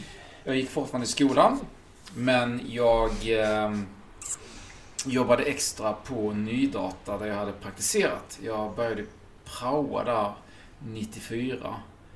Eh, julen 94 och sålde Elitserien 95 var det första spelet jag sålde. Sen jobbade jag extra och då fick jag lite pengar och då började jag köpa tillbaka spel som sagt. Så då hade, även om 96 då hade jag, ägde jag Playstation, Mm. Nintendo 64 och Saturn. Men ändå så gick jag och köpte NES på Domus i Kristianstad. Så därifrån eh, liksom rullade på. Det är fantastiskt att du sitter 24 år senare och pratar om samma spel fortfarande. Det är, det, är så vackert. Ja, det är vackert. Faktiskt. Ja, Jag skulle säga det är Ja, fantastiskt. 695 kronor kostade. Det var en spansk enhet eh, i en SCN-kartong. Som de sålde softbundlat med Zelda. Alltså Zelda var inte officiellt packing game, men man sålde i paket för 695. Och sen köpte jag köpa tillbaka spel, för då var det ju i princip att folk kastade ju spel efter en. Och jag utnyttjade att jag jobbade på Nydata i Kristianstad. Där folk kom in och ville byta in eh, sina spel. Det var en som kom in med en Neo Geo CD. Och vanligtvis skulle man inte köpa in det för lite konstig enhet, liksom Mm. spel. Sälja något konstigt paket. Men han ville ha ett eh, Sega Bass Fishing till Dreamcast. Så då sa jag visst, vi kan väl byta. Och så köpte jag den själv. Ja, det är, alltså jag, jag tänker lite så här att vi hade ju eh, en liknande butik i, i Trelleborg. Det var ju inte data, men, men det, det, var ju, det var ju en renodlad tv-spelsbutik som heter Game Master. Och eh, vi... Eh, Hallå! Någon som äter SNES-bananer eller? Välkommen! Välkommen hit! Omega Supreme. Jag, eh, jag har faktiskt lovat Häggestad att jag ska vakta hans väskor nere i receptionen. Så att jag är bara här för att dumpa av min loot. Lägg den på jackan. På min jacka. Då kan jag visa er sen. Det blir skitbra. Vad är klirrar? Dricker du öl idag? Nej. Tål du det? Är det veganöl? Ja, det tror jag. Nej men som sagt. Eh, det fanns butiken i Trelleborg, det var ju Game Masters. Eh, de köpte och sålde spel och sånt. Och han, jag tror att han har nog gjort rätt mycket bra affärer där. Ja, det är samma som eh, Busse på tv-spelshörnan i Ystad. Så många barn han har lurat. Ja, ja men det var ju, det var ju verkligen så här. Du hade, du Bland hade, annat mig då. ja men... Eh, ja, Förlåt om jag bara går tillbaka till Game Master. Jonas på Game Master. Men var det inte så att Pekka Lindmark var inblandad på något sätt? I- Kan ha varit så. Jag är inte helt hundra på det. För det men... finns någon eh, konstig Brio-story att de var ute på sina road tours och presenterade spel. Och så var det en butik i Trelleborg, en spelbutik i Trelleborg. Ja, men det måste ju... ja. Nej, nej, var det, det har varit Game Masters Ja, i så och Då fall. var det något just med att någon gammal ishockeyspelare, det var Pekka Lindmark. Det kan ha varit någon annan, var inblandad Ja, i butiken. ja men det, det kan mycket möjligt vara så att han har varit delägare i det här. Eh, Men, men, men just Game Masters eh, och lura barn på spel. Alltså... men du, du kunde ha köpt ett eh, Donkey Kong Country 2 för 700 spänn. Sen kommer du in då och vill byta in detta mot ett nytt annat spel. Då får du helt plötsligt 40% av värdet bara. Och man bara, ha, ja ja, ja men, ja, men då, då får jag väl ta detta. Och bytte du in mot ett be- ett begagnat så fick du 60% av värdet eller något sånt liksom. Det... Jag och Martin har, ju lite olika projekt. Eh, bland annat när vi tittar tillbaks till hur spel har beskrivits i gammelmedia. Där dyker det ofta upp den här diskussionen om Alltså man ska ju inte säga det här att de, du bytte ju inte in spelet utan du sålde ju spelet. Så de köpte spelet av dig och sen Mm. så fick du Ja, jo, jo. Ja, Såklart. Exakt. Bara så att Bergsala blir glada. Ska jag berätta hur jag började samla? Mm, Ja, det tycker jag såklart. att du ska göra. Såklart. Och det är så fantastiskt. Pratade verkligen inte vi om det här förra gången? Nej, jag tror inte det. Nej, okej. Men, Inte hur du började. Nej. det jag och, och det är så fantastiskt bra för jag har absolut ingen som helst aning om när jag började. Jag, jag- som jag sa tidigare så jag minns bara att jag hade köpt Popeye för 1000 kronor på Tradera. Var du på fyllan eller? Nej, nej, nej. Det var det inte. Det, det är det som är helt... Och varför? Det har hänt. Det, jag tror det har hänt väldigt många att man har suttit eh, på fyllan och bara bläddrat Tradera och Ja, klickat jag har hem. aldrig köpt ett spel berusad i alla fall. Är det så? Ja. Vi hade någon här som räckte upp handen. Jaha, hade? Ja, det är bra. Det är bra. Nej, men jag hade bara köpt Popeye helt plötsligt på Tradera. 1000 kronor. Fått hem det. Och sen så googlade jag information. Vilket år var detta? 2010. Så jag är så här jättesen. Jag brukar räkna mig som tredje generationens retrospelssamlare. Räknas jag också in där då? Ja, när började jag samla? 10? Ja, 2011, 12. Ja, Ja. eller kanske fjärde. Mm, mm, mm. Perhaps. I don't know. Nej men... Eh, jag brukar tänka så här, före 2000 Generation 1. Mm. De är så pass tidiga. Ja, ja. Eh, nej, vänta. Nej, det, det, det borde vara ännu tidigare. Sen är det typ mellan 2000 och 2005 och sen 2000 och 2006. Eller 2010 kanske. V- Vem Sen är det de- som beslutar detta? Är det du, Liro? Jag, jag sa att jag Ja, brukar tänka när jag garderar. Det är, okej. det är inte, inte kanon för spelsamlare. Nej, nej. Jag brukar tänka. Ehm, ehm, ja, mitt Popeye. Jag sökte information. Och då hittade jag Kresas hemsida som fortfarande finns kvar. Och sen länkade han till NestDB där. Eh, och så kom jag in där och sen är det bara igång. Så det visar också att hade inte liksom all den här informationen om vad SCM var och allt det, då tror jag inte jag hade börjat samla om inte liksom allt det där hade, hade äggat på en. Att det finns, fanns en ännu mer nivå av nördighet, liksom en Mm. nivå av avgränsning, ett, liksom ett, ett sätt att förfina sig. Okej, men du börjar i det klimatet direkt med, med svensksålda spel? Att det Och var kompletta, viktigt? absolut. Att det var viktigt, okej. Ja, jag, många har ju börjat med samla kassetter. Där jag, Mm. aldrig, liksom, jag var komplett eh, från början. Okej, det är Och intressant. Svarta serien var det första samlarmålet jag satte upp. Okej, okej. Ja, för det, det kostar ju lite mer pengar. Eller hur? Fast då gjorde det väl inte det? Ja, kompletta spel kostar väl lite mer då. Ett komplett spel har ju alltid kostat mer än vad en kassett kostar. Som du sa, det- Popeye Mm. 1000 spänn. Alltså, jag på den tiden skulle inte tänkt mig att liksom punga ut så mycket för ett alltså, komplett spel. Det kvittar vad det var för spel liksom. Nej, och jag kommer ihåg, jag hade gjort några affärer på Tradera. Bland annat så hade jag... Min första affär på Tradera, eller det blev ingen affär för att jag var inte beredd på att alla skulle lägga bud sista sekunden. Ja. Jag bara, det här är ju soft det är ingen som vill ha det. var en, ehm, ett special... En specialversion av någon Anna Ternheim-skiva. Mhm. Ja. Faktiskt. Ja. Som jag var nöjd med att jag skulle få billigt. Och sen bara bam, bam, bam. Och sen visste man, ja, ja okej, om man ska vänta Vad hände? sekunden. Ja, så bara, åh nej, någon har lagt ett bud. Så försökte man lägga, höja sig 20 kronor. Sen hade någon annan lagt, bara. Ja, det Ja, var... ja, men i alla fall. Ja. Så det, och sen hade jag köpt lite på Ebay kring Criterion DVD-filmer. Som jag samlar jättelite på fortfarande. Men det var också att jag blev inblandad i forum med det och så här. Men sen... Så, så att det var antagligen därför jag lyckades vinna Popeye. För att jag visste att jag var tvungen att lägga ett, ett högt Mm, mm.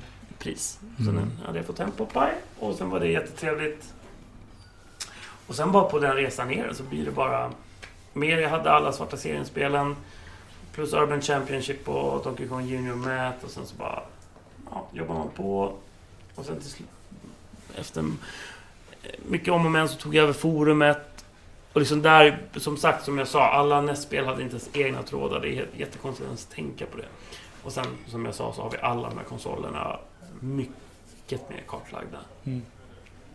Eh, Super NES fanns ju redan på, på Instincts forum. Men all, all den informationen är ju flyttad till oss, att vi har den och vi har utvecklat den också. Prisstatistiken bland annat kring de spelen. Sen har vi skapat här 64, alla Gameboy-titlar, GBC, GBA och vanliga GB, Game Watch också. Nintendo eh, GameCube också. Så att, ja, 2010 i februari reggade jag mig på forumet. Så, ja, 2010 började jag. Mm. Långt efter Martin Lindell. Han börjar rätt tid. Om man säger så. Ja, men han började nästan innan det var rätt tid. Det är så här... Han är någon form av White Walker eller sånt där. Eller- Han är en av de här grundpelarna Ja, i retrospel Children of the. Forest. Jag, jag försökte också sälja... Alltså, det här är intressant för att vi sålde ju rätt bra med 8-bitarspel i butiken. För det var ju klassiskt att konsolen ärvdes av lillebror och så vidare. Mm, ja. Och så var det ingen annan butik som fortsatte söka spel. Så de var jätteglada att de kunde komma in och köpa begagnade spel Mm. billigt. Så vi sålde ganska bra. Däremot så märkte vi en snabbare nedgång typ i Mega Drive eh, och Playstation 1 begagnat. Mm. Alltså, den generationen typ gick mycket snabbare ner och blev väldigt snabbt svårsålt. Mm, mm. Alltså då typ 98, 99 och det började komma liksom nytt. Så det var, ju- det var intressant att se då. Eh, Men det var väl lite några år för tidigt. Och då sålde vi spelen, minns jag, utan, utan fodral, NES-spel. Alltså bara karta, 49 till 99 kronor styck. Så var ett bra spel var det 99, var ett dåligt var det 49. Jävligt 79 billigt. Ja. 79 mittemellan där. Mm. Sen boxade spel var 99 och upp till 199 om det var riktigt bra som Zelda eller Super Mario 3. Så det var liksom... ja, visst. Va- va- varför bodde man inte där? Ja. Men sen, och det här var intressant för samtidigt hade du annonserna i Superplay där Nordic Games plockade in kanadensiska spel som bygg, bygg, eh, byggde om. Alltså Final Fantasy, Dragon Warrior, Mario's Missing och så vidare. Så vi köpte in Mhm. av dem rätt mycket spel. Så vi sålde rätt många nya Super Mario 3 som jag tror var tyska eller något sånt. Och Ja, sen de här ja. Kana- kanadensiska också. Mm. Så vi sålde rätt mycket nya spel också. Jag är fortfarande kvar en del från den tiden som Final Fantasy, Dragon Warrior, Fist of the North Star, Bonks Adventure och så vidare. Ja, intressant. Som funkar på PAL-konsoler Ja. Coolt. Mm.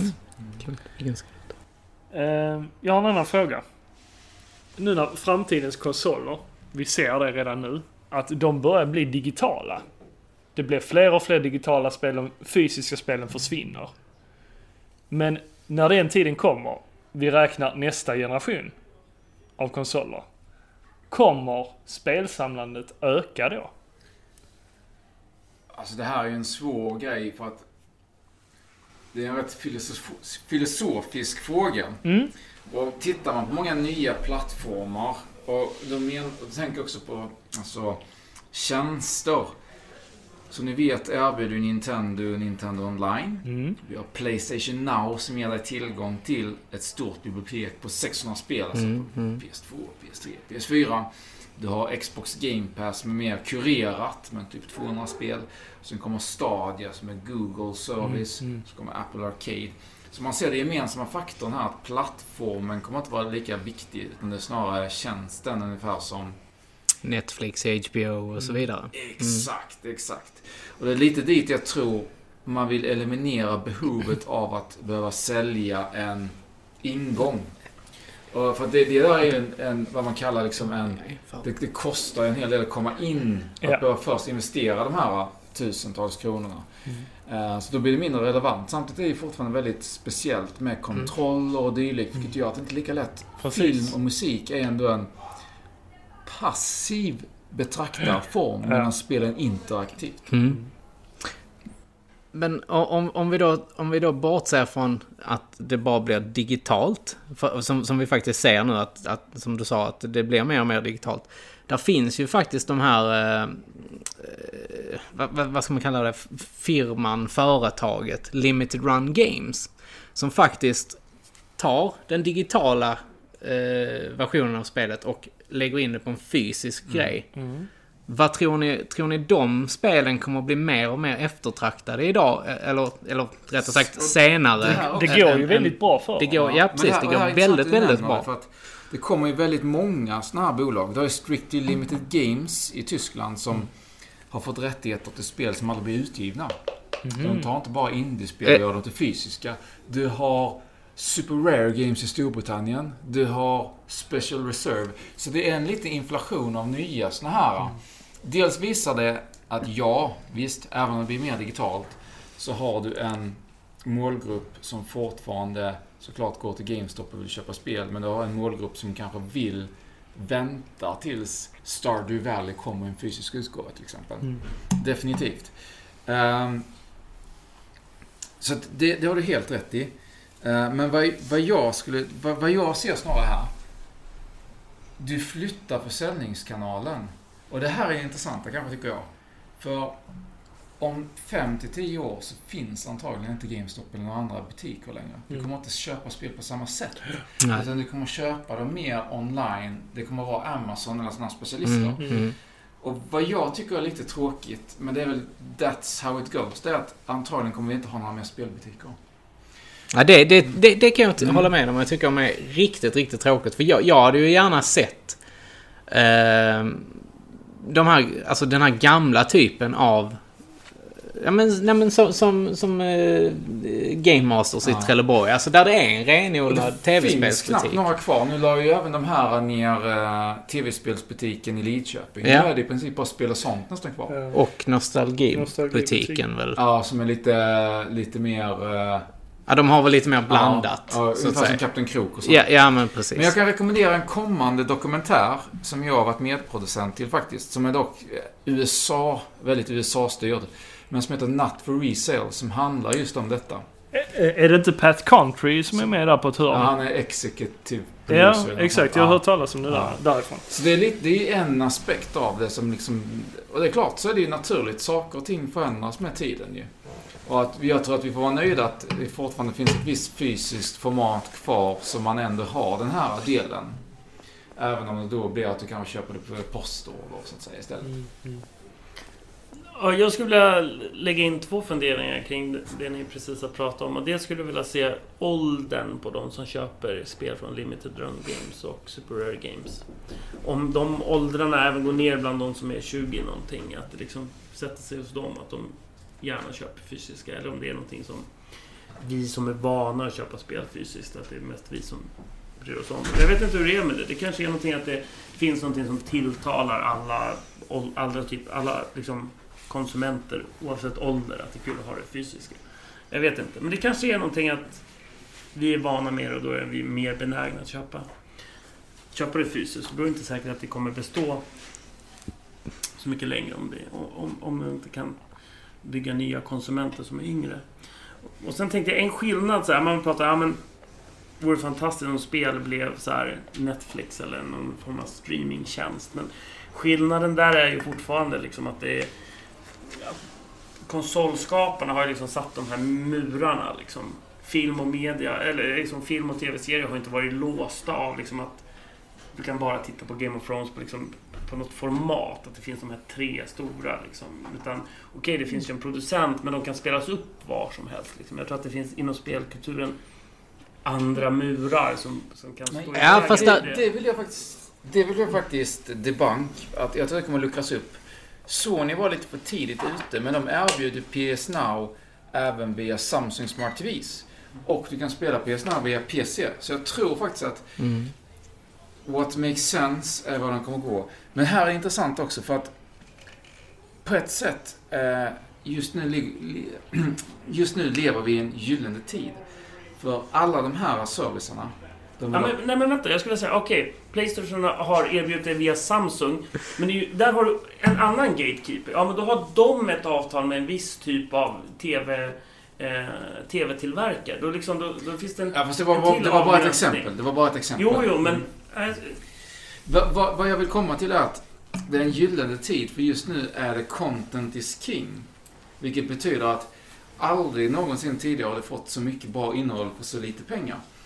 Tittar man på Game Pass, Playstation Now, så spelar folk mer. Folk är smarta. De inser att om du är en spe, spelare som gillar indiespel och typ AAA-spel, du kan få det väldigt billigt.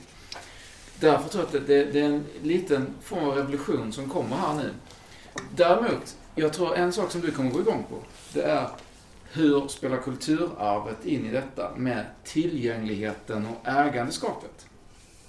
För vad jag menar är att det är klart att du får tillgång till viss mängd spel, men helt plötsligt dras ett spel bort av rättighetsfall och liknande. Vad händer då? Så länge vi har fysiska kopior så är det aldrig ett problem. Men vad händer när vi lever i en all digital world? Ja, alltså det vi väntar på är väl första gången vi ser när en stor tjänst som Steam lägger ner. Mm, mm. Jag menar, vi har, har väl inte varit med om det när folk liksom blir av med liksom ett helt spelbibliotek. Jo men det har du ju redan idag. Du har ju Wii, Wiens. Hela Wiens eh, bibliotek ju. Ja, men där har du... Ja, absolut. På sätt och vis. Men du har ju fortfarande dem ner, kanske nedladdade. Förhoppningsvis har Ja. du det ju. och jag vet inte... Men där återigen så har du ju det här... Vin, då är det fortfarande gränsen till knutet till en konsol. Liksom. Okej, du Mm. kunde plocka över dem till din Wii U. Eller hur? Du kunde ju föra över spelen, exakt. Ja. Ja. Ish. ja, och sen kunde du emulera Mm. Wii-menyn. Ja. Ja, precis. Men jag menar, Steam är ju inte knutet till ett format. Det är, det är ju bara knutet till molnet. Det är ju inte de här Wii-spelen. Så de är ändå knutna till det här till, till det systemet. Jag, jag, skulle hävda att det ändå är en skillnad att nå, om något som Steam går ner, för det är bara knutet till ett konto. Mm. Nu är det ändå, med Wii så är det ändå mer knuten till liksom en, en Den maskin. fysiska konsolen. Ja, exakt. Mm. Så att, absolut. Jo men, jo, men säg, säg kontra Playstation Now då. För där, där har du ju ändå många konsoler som, som, som... Ja, det sprider sig över ett ganska långt spann från PS1 till PS4 ju. Jag har ingen aning om hur Playstation-saker fungerar, så du får fråga mig. Nej men det, det, du har ju liksom där... Och det är ju som Martin säger, tar du bort någonting därifrån så får du vara glad att du har det fysiskt hemma. Tänk... Men ta Suikoden 2 till exempel. Det är sk- skitdyrt idag, 2000 spänn eller vad fan det är du får punga ut för ett sånt. Ehm, Ja, men det är ju självklart det du säger. Alltså, när en sån här stor tjänst kommer gå ner, då kommer vi få omvärdera vad fysiskt betyder. mm, Och då kommer det ju säkert ehm, liksom vara så att det kanske, kanske kommer en sån revival av fysisk Mm. media. Sådär. Men Ja, men, det, det- det, är ett annat exempel eh, på det här nu. Alltså, eh, Playstation 4. Eh, de, de, där släpptes ju ett Turtles-spel. Eh, kommer inte riktigt ihåg vad det heter nu. Men det är Turtles... Eh, bla bla bla. bla. Eh, det finns ju inte att få tag i digitalt längre. För att, eh, som, du sa innan, rättighetsskäl bortplockat. ja, men det är som PT-demot. Ja men Mm, exakt. mm, Det är samma där. Jag har det nedladdat. Men Martin kanske inte har det. Är min konsol mer värd för Martin då? Eller liksom så här. Det... Ja, men, men det, grejen är väl att det är fortfarande för, li, för, för på alldeles för liten skala för att det ska ge någon såna, Mm. en diskussion om att det fysiska är viktigt ändå. Mm. Jag tror bara det fysiska är viktigt för oss som faktiskt har växt upp med det. Det kommer försvinna, men det är ju, det är ju vi som kommer sakna det. det. Det är vi, de här olika generationerna, så kallat äldre Ja, generationerna det som har växt upp, ja, Ja. Mm. som kommer att sakna det. Det är det jag tror i alla fall. För den yngre generationen, de har inte växt upp med det. De förstår ju inte innebörden med att sitta och bläddra i en manual och, och, och sitta och klämma på en kassett liksom. Eh, idag är det SD-kort, SD-kort. Det, det är liksom, det, det är det vi kan komma närmast, en kassett. eh, som eh, switchen har idag. Annars är det ju eh, CD eller DVD-romer eller vad det nu heter, Blu-ray. Jag tror också det är ett konsumtionsbeteende att förr fick vi klubblad hemskickade som säger att dessa tre spelen släpps denna månaden. Nu släpps det hundratals spel. Mm. Det liksom Man blir bombarderad. Ja, Mm. precis. Då, så jag tror det gör att dels devalveras ju värdet av spel, att kvalitetsribban höjs. Samtidigt som det finns... Så det blir mer snackis att det här är bra, det här ska vi spela. Samtidigt som det finns mer för alla. För det betyder att ju mer innehåll, desto mer kan det finnas för någon speciell smak. Mm. Jag personligen kan ju sakna det att man väntar lite på ett spel. Det är samma med om vi går in på serier. Ja, vi har pratat om det förr. Mm. Jag Jo, vill har inte vi ha gjort. allting på en och samma gång. Eh, Jag, jag vill ha ett avsnitt i veckan. Ja men det, ja men eh, okej. Men, eh, eh, samma med spel. Jo men, jo, men Att, ta, ta, ta jag jag vill Thrones. kunna vänta lite. Jag vill ha någonting att längta efter. Skit i... Skit, det- vi ska inte prata om det nu. vi ska prata om spel. Eh, men Alltså podden blir ju bättre av många läskeblask. Men ja.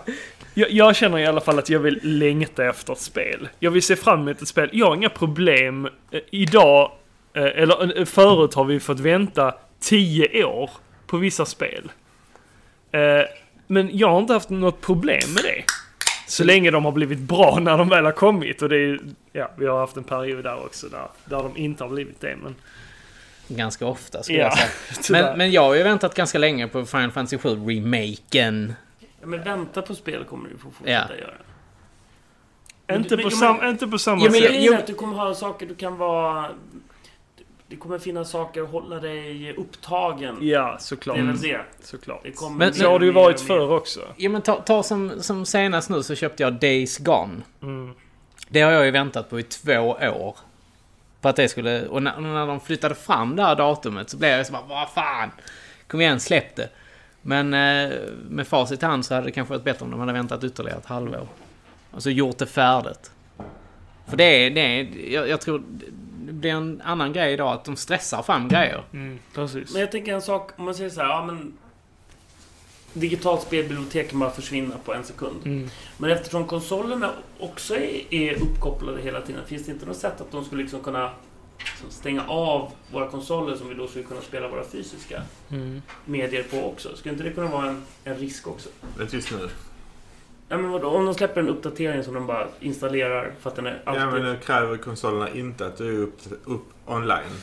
Eftersom Xbox ville kräva att du var online och ville styra ditt Ja, innehåll. ja, och det gick ju marknaden emot. Absolut, de kan inte döda alla, men alla vi har ju våra nya konsoler uppkopplade hela tiden. Precis. Eller hur? Nu är det Robert som Ja. pratar här. Men det finns faktiskt ett intressant exempel på detta. För att första Little Big Planet innehöll en låt som hade verser ur Koranen. Som tydligen då Mhm. eh, ja, inte togs emot så väl. Och de tryckte skivor på detta. Och vad de gjorde var att de, de, de nya konsolerna som är uppkopplade kan såklart patchas. Mm. Så om du hade din konsol eh, uppkopplad så fick du liksom en mandatory patch som bara laddades ner och patchade bort det. Så så länge du inte, så, du har, så länge du har en clean konsol Mm. Och du inte är uppkopplad till nätet så kan du ju fortfarande lyssna på liksom originalmusiken från spelet Mm. som de hade tänkt från början. Mm. Men så fort det är uppkopplat så uppdateras det. Så det, på något sätt, eh, Mm. är inne på det här spåret ju.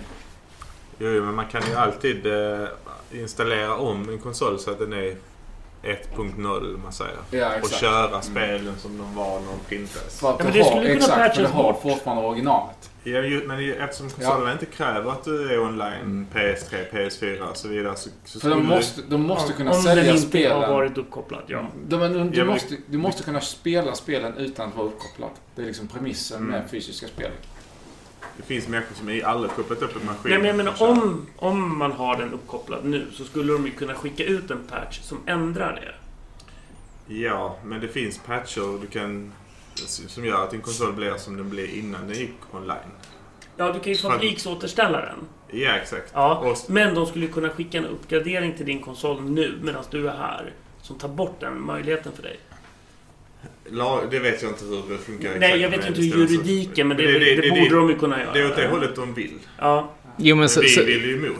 Det har ju varit en kamp. jo men så funkar det ju redan idag med typ med en Apple-telefon. Fabriksåterställer du den idag så får du den senaste program, programvaran. Bara det att du får Jaha, jag- nollställd telefon. Du får ju inte 1.0. Alltså, Nej, men från- alltså, som min kom poäng- från min- fabriken. Min, poäng är ju bara att så här, man kan inte liksom... Med nya enheter som vill vara uppkopplade hela tiden så kan man inte riktigt lita på fysisk media heller. Det krävs Nej, liksom det- en det- viss sak från, den, från enheten också. Ja, ja, absolut. För, för när du stoppar... Alltså säg att du... Det, det har varit en, ett spel där du har... eh, Det har varit någonting som... Ja, men som inte har ansetts helt PK kanske. Och idag så, så plockar, man- väljer man att patcha bort den här delen. Det, det, vi har ju bara en sån grej som eh, Devil May Cry 5. Där de tog bort, här i Europa, med en patch, så tog de ju bort den här rumpscenen. Eh, där man fick se hela rumpan liksom på, på den här kvinnan. Eh, Medan att eh, i den amerikanska, tror jag det var, så fick du lov, så fick man se hela baken liksom. Och det, där har du ju sån här grej att där skickar de ut en day one patch där du tar bort det liksom. Trist. Ja, men, det, det, men det, det, det jag ville poängtera var ju att det är ju redan styrt idag. Alltså, du har inte möjligheten idag. För att så fort du stoppar in skivan i konsolen så laddar den ner nästa patch. Fast det behöver inte vara online. Det är där, det är där fortfarande konsumenten kan välja. Alltså, Exakt. det måste Men, inte vara online för att starta Devil May Cry 5. men hur många är det som har struntat i att liksom, koppla upp sin enhet de har köpt? Jo, men är du inte uppkopplad får du inte ta del av allt andra som finns på nätet liksom. Nej, och sen Alltså- kräver inte vissa konsoler att man gör någon sån här Day One patch också? Ingen. Är det inte så? Det är, det är, det är, det det. är optional liksom? Ja. Mm, okej. Mm. Ja, om du, om du ska... Om du inte ska använda vissa features. Ja, okej. Mm. Eh, vi kan ju se att fler spelhallar dyker upp lite överallt i Sverige, eller hur? Ja, jo, det kan Ja. man väl säga. Arkadhallar liksom. Ja men precis, Ja, ja. arkadhallar, ja spelhallar i olika slag. Eh, Men hur kommer det sig? Liksom, jag har sett bara det senaste året egentligen. Vi ser spel och sånt och vi ser vissa... vi, vi, vissa... Extra liv ja. Och sen Hej Stockholm. Exakt. I Borås finns det. Vi har Och du, olika... du har den här pub, eh, puben eh, Nerd Bar. Nerds, Exakt. Nerds Bar heter Exakt. den. Ja. Vi ser flera olika ställen poppa upp. Eh, Med alltså arkadspel, flipperspel, konsolspel och sånt. Det är ju det som försvann på 90-talet. Varför börjar det poppa upp nu igen? Mitt korta svar är att det är en slags social funktion också. Att man Mm. träffas och möts och spelar kring någonting. Eh, sen finns det också, ska man vara mer eh, djuplodad, finns det också vissa genrer som lämpar sig väldigt bra. Kollar man på vissa då, jag tänker flipper såklart, det kan du Mm. inte spela hemma. Det är Nej. svårt att ha massa flipperspel hemma. Ja. Musikspelen, de japanska, attraherar också en viss publik. Precis. Som eh, de här man håller på och trycker på massa knappar. Som är Mm. lite- Ja. Bashi bashi. Ja, Bishi bashi. Bishi bashi man. Bashi bashi. så att visst, Bashi, bashi. det finns vissa spel som lämpar sig väldigt bra för. Mm. Sen ska man också säga att det görs ju mycket nya arkadspel också faktiskt. Mm. Eh, Mm. vilket är intressant. Det finns ju arkadspel av eh, Angry Birds. ehm, Luigi's Mansion finns ju ganska Mm, nytt arkadspel. just det, just det. Daytona USA kom i ett ny version. Även Mario Kart. Ja, vilket Daytona tycker jag är jättemärkligt att de inte släpper det på hemkonsolerna. Jag tänker att vi borde kunna sälja mer Mm. ju, men... Ja, alltså det är ju tyvärr en kultur som har blivit drabbat hårt av den där spellagen som finns. Mm, mm.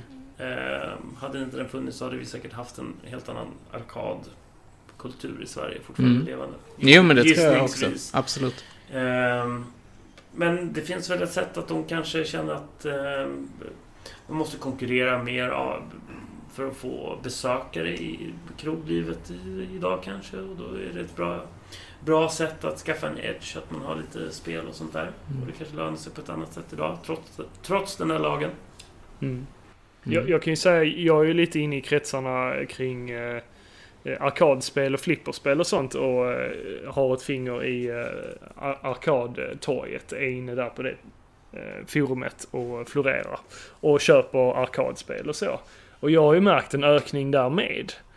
Men, men där är det ju mer 70-80-talisterna som köper på sig maskinerna.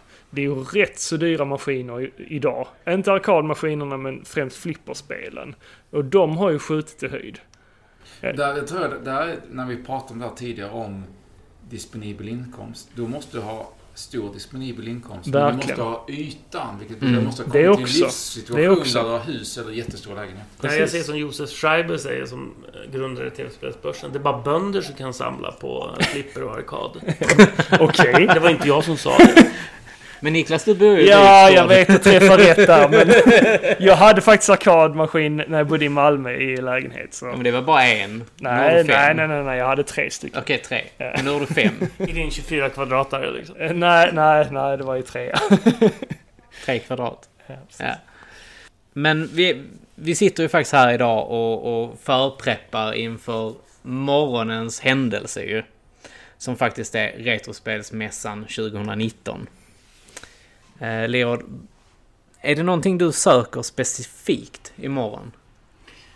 Um, Bergsala spel i pappkartong i nyskick. Uh, svenska extra manualer.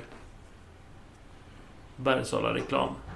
Och andra sådana här övrigt övrig, övriga papper. Liksom. Mm. Martin? Inte så aktivt egentligen. Det finns ju såklart... Nu låter jag som en papegoja för vi pratar bara Nintendo Bergsala. Men jag vill gärna ha... Jag saknar kepsen eh, med Super Mario som gör Victory-tecknet och Mhm. hade liksom vingar, den gråa. Jag saknar de två muggarna med Game Watch Mario som drar i snören. Eh, jag saknar Volleyboll och Donkey Kong 3 på svarta serien som jag vill ha boxade men till bra priser. Jag vill inte liksom... Precis, jag snål jäkel. Eh, och så slutligen så letar jag efter Svenska Hemdatornytt nummer 3, 1991. Oj. Väldigt specifikt. Ja, verkligen. jag har en hel del nummer redan. Anledningen att det är en intervju med Jens Olin som pratar om Super Nintendo. Så jag är en av de första svenska medierna som presenterar Super Nintendo. Ja, alltså knyta an till det Martin sa. Alltså, mm, med tanke på det vi pratade om med KB och det där. Så att Mm. om jag hittar en massa liksom, rimligt prissatta Sega-papper skulle jag också köpa dem bara för liksom, den bevarande grejen. Eh, ärligt talat så, med tanke på hur ovanliga svenska Sega-papper är, så det är det är, det är jävligt häftigt med dem också. Eh, eller hur Martin? Ja, Sega-posten är ju, borde ju vara svindyr för att det finns ju liksom inga. Jag har eh, ett nummer själv och vi har sett någon Tradera-annons och vi har sett liksom några bilder men man ser aldrig Sega-posten. Det är vanligare att se de gamla Bergsala A4-papperna innan klubbbladen kom. Så det kan vi göra en liten efterlysning här i podden. Att om det är någon som har de här gamla Sega-papperna så... Det ska bevaras. Eh, Uppmärksammas ja, om det. precis, Mm. Skannas, dokumenteras så vi inte förlorar det här. För just nu är det förlorat. Joakim, har du någonting du letar efter? Eh, n- Eller du nej. gör det bara med skiten? Nej, egentligen inte. Jag, jag ska mest bara sälja skit, tänkte jag. Men jag, jag har ju köpt på mig en del grejer redan innan som jag ska få levererat hit.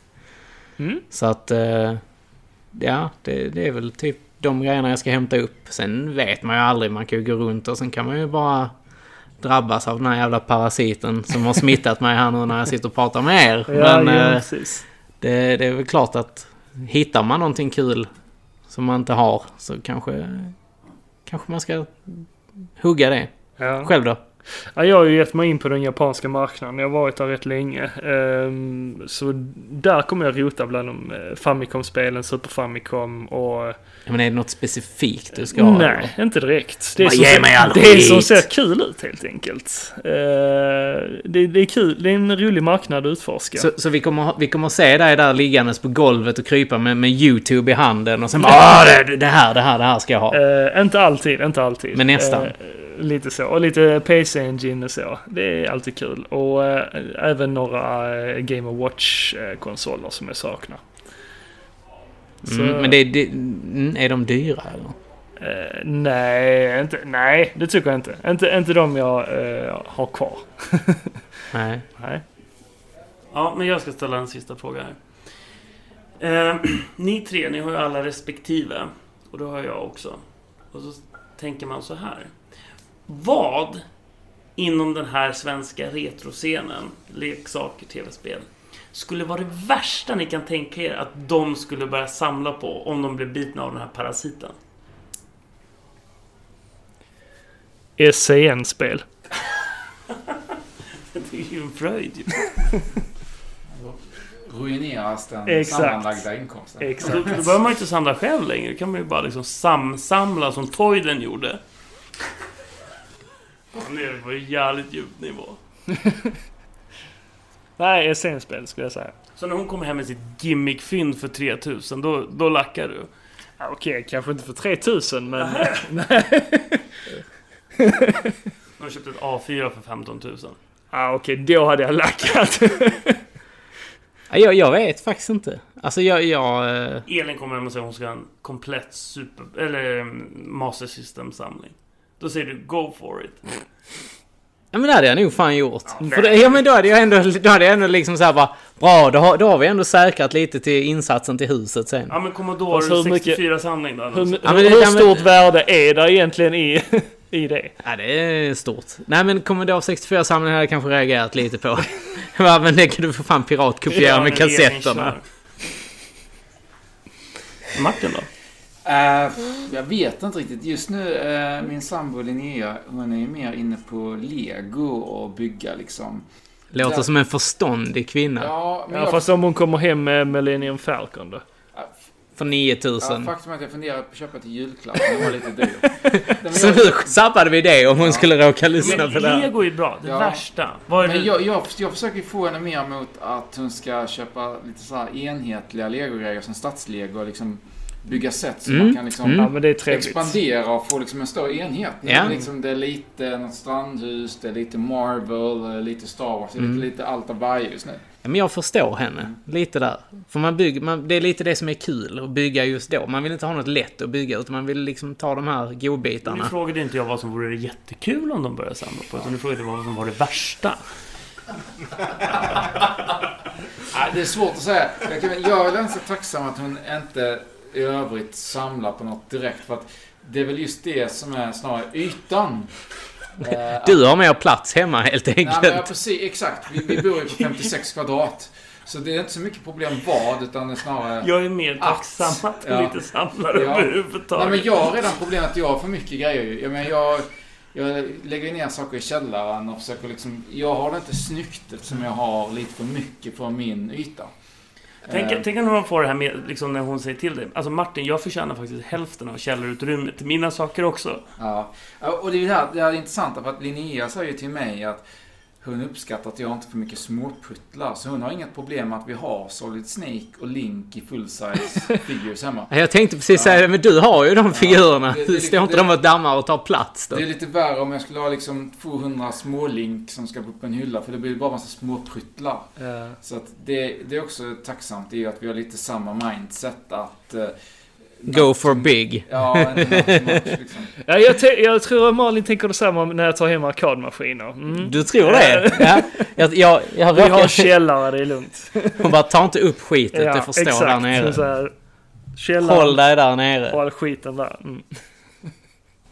Ja, då får vi önska alla en trevlig RSM 2019. Men jag har en sista fråga här. Eh, eh, vi har ju tjatat mycket kring eh, i vår, eh, våra tidigare poddavsnitt kring vad Joakim bör spela på NES. Han Oj, har ju mycket oj. att, att ta igen. Kirby's Adventure. Ja, det har han ju tagit sig igenom och det Alltså- uppskattar han inte. Alltså jag, jag måste ju säga att det är ett av de värsta NES-spelen som jag har kört. Alltså det... det Men då har det, du inte kört mycket Jocke. Det, ja, men jag har provat på en hel del. Alltså jag, jag tycker ju att Kirby's Adventure är riktigt skit. Det är ett barnspel. Ja, lite sådär. Och det, du kan flyga precis var fan som helst. Du behöver inte göra någonting. Du Open kan... World? Äh. Det vet i fan. Så är det alla Kirby, Kirby-spel. Tänk ett, tänk ett Kirby fast där... Kirby det- World of Nej, Warcraft. men, nej, men som Breath of the Wild, fast Kirby. Du Kirby. Du kan gå vad som helst utan att egentligen göra någonting. Ja. Och svälja folk. Nej men jag... Hela världen! Du kommer till Ganon och så äter du bara upp honom med en grej och sen är det Jag slut. sväljer andra online-spelare. Ja. Nej men jag, jag alltså... Om, om vi säger sådär att jag, jag, kände ingen, jag kände ju ingen direkt glädje när jag, när jag spelade det. Är det första Kirby-spelet du spelar? Ja. Ja. Det är samma. Men då har du inte fått in smaken för det. Nej. Det här avskalade. Nej men som sagt, frågan, vilka spel bör han eh, köra? Det här, det här kan ju alla svara på. Men vänta, så Euphoria? Euphoria. Mycket bra spel. Mm, jag håller med. Jag skulle säga roller games. Du, Det är NES bara, NES bara. Bara NES. Ja. Ja, där får du nöta liksom. Du har inte spelat speciellt mycket NES tidigare eller? Ja, Jag har ju provat på en hel del. Men jag har ju aldrig, jag har ju aldrig kört eh, klart på liksom såna här. En annan eh, guldklimp som, eh, som jag upptäckte på, på senare tid, för ett par år sedan faktiskt, The Guardian Legend. Och jag blir Som så glad ett, att du säger eh, hela titeln. The Guardian Le- Legend. Jag blir så sur när folk bara säger Guardian Legend. The Guardian Legend, som förmodligen är det mest unika NES-spelet Ja. som produceras. Där du har multigenrespel. Mm. Ja, det- Action-RPG och rymdshooter som harmoniserar med varandra. Eh, Du har en kvinnlig huvudkaraktär och du har faktiskt en story. Spelet Mhm. går inte bara ut på att rädda en prinsessa. Mm. Ja, men det, det känns ju som ett, ett, ett bra alternativ i alla Men, fall. men, men när, man behöver väl ehm, ehm, lägga mycket tid på det, känns det som. Mm, det tar tid. Ja. Men det är det värt. 10 timmar typ. Du har spelat alla de här klassiska, som Mega Man 2. Ja, ja. Ja, Mega Man 2 är ju ett bra spel. Det, typ, det känns som att det är det enda du har faktiskt Nej, kört. Nej, men jag, jag har ju testat på Kid Icarus. Och det, jag gillade inte det heller. Första banan är svår. Det var en tröskel. Ja, Ja, precis. precis. Ja. Sen när man kommer in i labyrinterna och börjar Mm. avancera och det får blåsa upp Mm, ett par upp så... Och sen, och sen, sen har jag ju faktiskt också testat Metroid. Och jag, mm, jag, jag, jag tycker ju inte riktigt att det är så jävla roligt heller. Båda de spelen, när du kommer in i dem, ger det den här timmen och sen... Men började du göra en egen karta när du spelade Metroid? Nej, det gjorde jag inte. Just Kidikare ser jävligt märkligt för vilket annat spel är viktat på det sättet? För att det är svårare Ja. första banan. De fyra första banorna är mycket svårare Mm. och så blir det bara lättare och lättare och lättare. Precis. Det är ändå sjukt. Mm. Punch Out då? Det, det har jag faktiskt klarat tre stycken Ja, på nu. då säger jag Punch Out. Det är mitt spel. Sonen först är borta. Retrolivets feedback-tråd. Han sa Metroid. Ja. ja, vi får väl se. Det... Ja, Jag skulle Ja, jag sagt. slänga in Blaster Master där också. Ja, men det, det, det är faktiskt ett spel som jag håller på med till 3DSen. Faktiskt. För att, Ja, Zelda 2 skulle jag säga. Ja, Zelda 2. Zelda 2. Zelda 2. Så jävla underskattat. Och Ja. Simons Quest när du ändå håller på med bajsmackor. Ja, Simons Quest. Gud vad peppad jag blev här nu. Men, ja, men jag, jag, det, det, alltså, och det, det är så kul för det, det är sådana spel som jag verkligen har försökt. Ja, men det är lustigt. Ja, fast du försöker, men du måste faktiskt ägna tid åt det. Ja, men Zelda 2 är ju... Men Ja, spelar du ensam? ja. Ja, men där har du något. Ja, det är problemet. Det är det. Jag håller med. Ja, men sa, eh, saken är med just med, med Simons Quest, det är ett sånt där spel som man blivit livrädd för. för Jo, men där- där skulle jag- skit För det. Eller det snackas mycket skit om det. Man har blivit varnad för det genom hela sin uppväxt i princip. Och för ett år sedan bestämde mig, nej jag ska spela Simons Quest. Är det så dåligt, jag ger det en chans. Gillar Castlevania och spela igenom det och älskar spelet. Jo, men där hade jag ju velat spela den här omgjorda versionen där man faktiskt förstår vad fan man ska göra. Ja. Mm. Sen har du ju spel som faktiskt är enkla att komma in i och är roliga. Så Ta som RC Pro M2. Mm. Enkelt, kul, du låser upp power-ups, uppgraderingar. Eh, du har ju spel som, ja, jag hade den mer på tungan, Chip and Dale, Co-op. Det har jag ju faktiskt klarat. Du på, du klarar på en eftermiddag. Väldigt Mm. tacksam för ja. spel. Mm, mm. Powerblade. Ja, Mm. fantastiskt. Shatterhand. Sha- Shatterhand, precis. Ja, men det, det är ju spel som jag har eh, på listan att testa på Ja. och försöka klara i alla fall. Mm. Batman. Batman kommer jag en dag klara. En dag. Ja. Batman Return of the Joker, ett ganska eh, tacksamt spel. Ja, ja. Det är helt okej faktiskt. Det är, det, det är bra musik i alla fall. Om inte annat. Sunsoft. Ja, men precis. Mr Gimmick då? Ja, det är bra spel. Mm. Kört. Har inte kört alls. Jag har spelat det, men kört. Okej.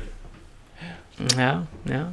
Jag, jag har ju tänkt ta mig an Little Nemo nu. Ja, fast... Skit i det. Kör. Ja, men jag tänker att det, de det, är i alla fall, det, det är i alla fall roligare än Kirby's Adventure i alla fall. Nej, Nej, det, Alltid- nej. Journey to Sirius. Ja, exakt. Ja, det är lite generiskt tycker jag. Ja, nej, för att avrunda den här eh, diskussionen, den här intervjun med de här två legenderna i Retro-Sverige. Carl Mikael, Lirod, Salgren och Martin Lind. Nej, Salberg. Salberg! Där fick jag, jag, jag, jag hade det nästan, jag hade det nästan. Sa- Salberg. Det. Ja, Salfjord. Nej, sånt tar vi inte om. Nej, ingen som det i alla fall. Och Martin Lindell. Ja, vi får tacka er. Alltid lika kul. Det här Mm. gör vi RSM 20. Skulle du inte Då öppna den i Jo, men det ska, ja, ja, vi ska göra lite Heta stolen också snabbt innan vi går. Men, då är det 10-årsjubileum också. Ah, ja, Mm. spännande. Det har inte Spännande. varit, det har inte varit 10 mässor, det var ju uppehåll eh, 16. Mm, Men mm. det är 10 år sedan de hade det i Oceanen, tror jag att det hette. Mm. Ja. Ja, exakt. Och då vill man ju att det ska vara lite eh, någonting av det extra. Lite special. Mm. Men eh, jag och Martin säger ju bara fortsätt podda, kör på det ni gör. Det är eh, fantastiskt kul att lyssna på och det är i, alltså, oerhört kul och en ära att få vara med en gång om året och prata om Sveriges eh, största retrospelsevent med er. Och varje gång vi ses i Göteborg så ser vi fram emot Malmö. Underbart att höra. Ja, det låter fantastiskt. Vi tackar så hemskt mycket Ja. för att ni ville vara med och vi ser alla fram emot eh, morgondagen Mm. till Retrospelsmässan Mm. 2019. Vi kommer gå från där ganska hålögda tror jag. Tror du det? Ja. Tomma plånböcker, hålögda, deprimerade, slängt ut för mycket pengar på skit. Ja, ja. Mycket möjligt. Jag har sålt min själ. Men eh, tills nästa gång så, Så säger vi vi- allihopa Ha det gött! Hej! Yes!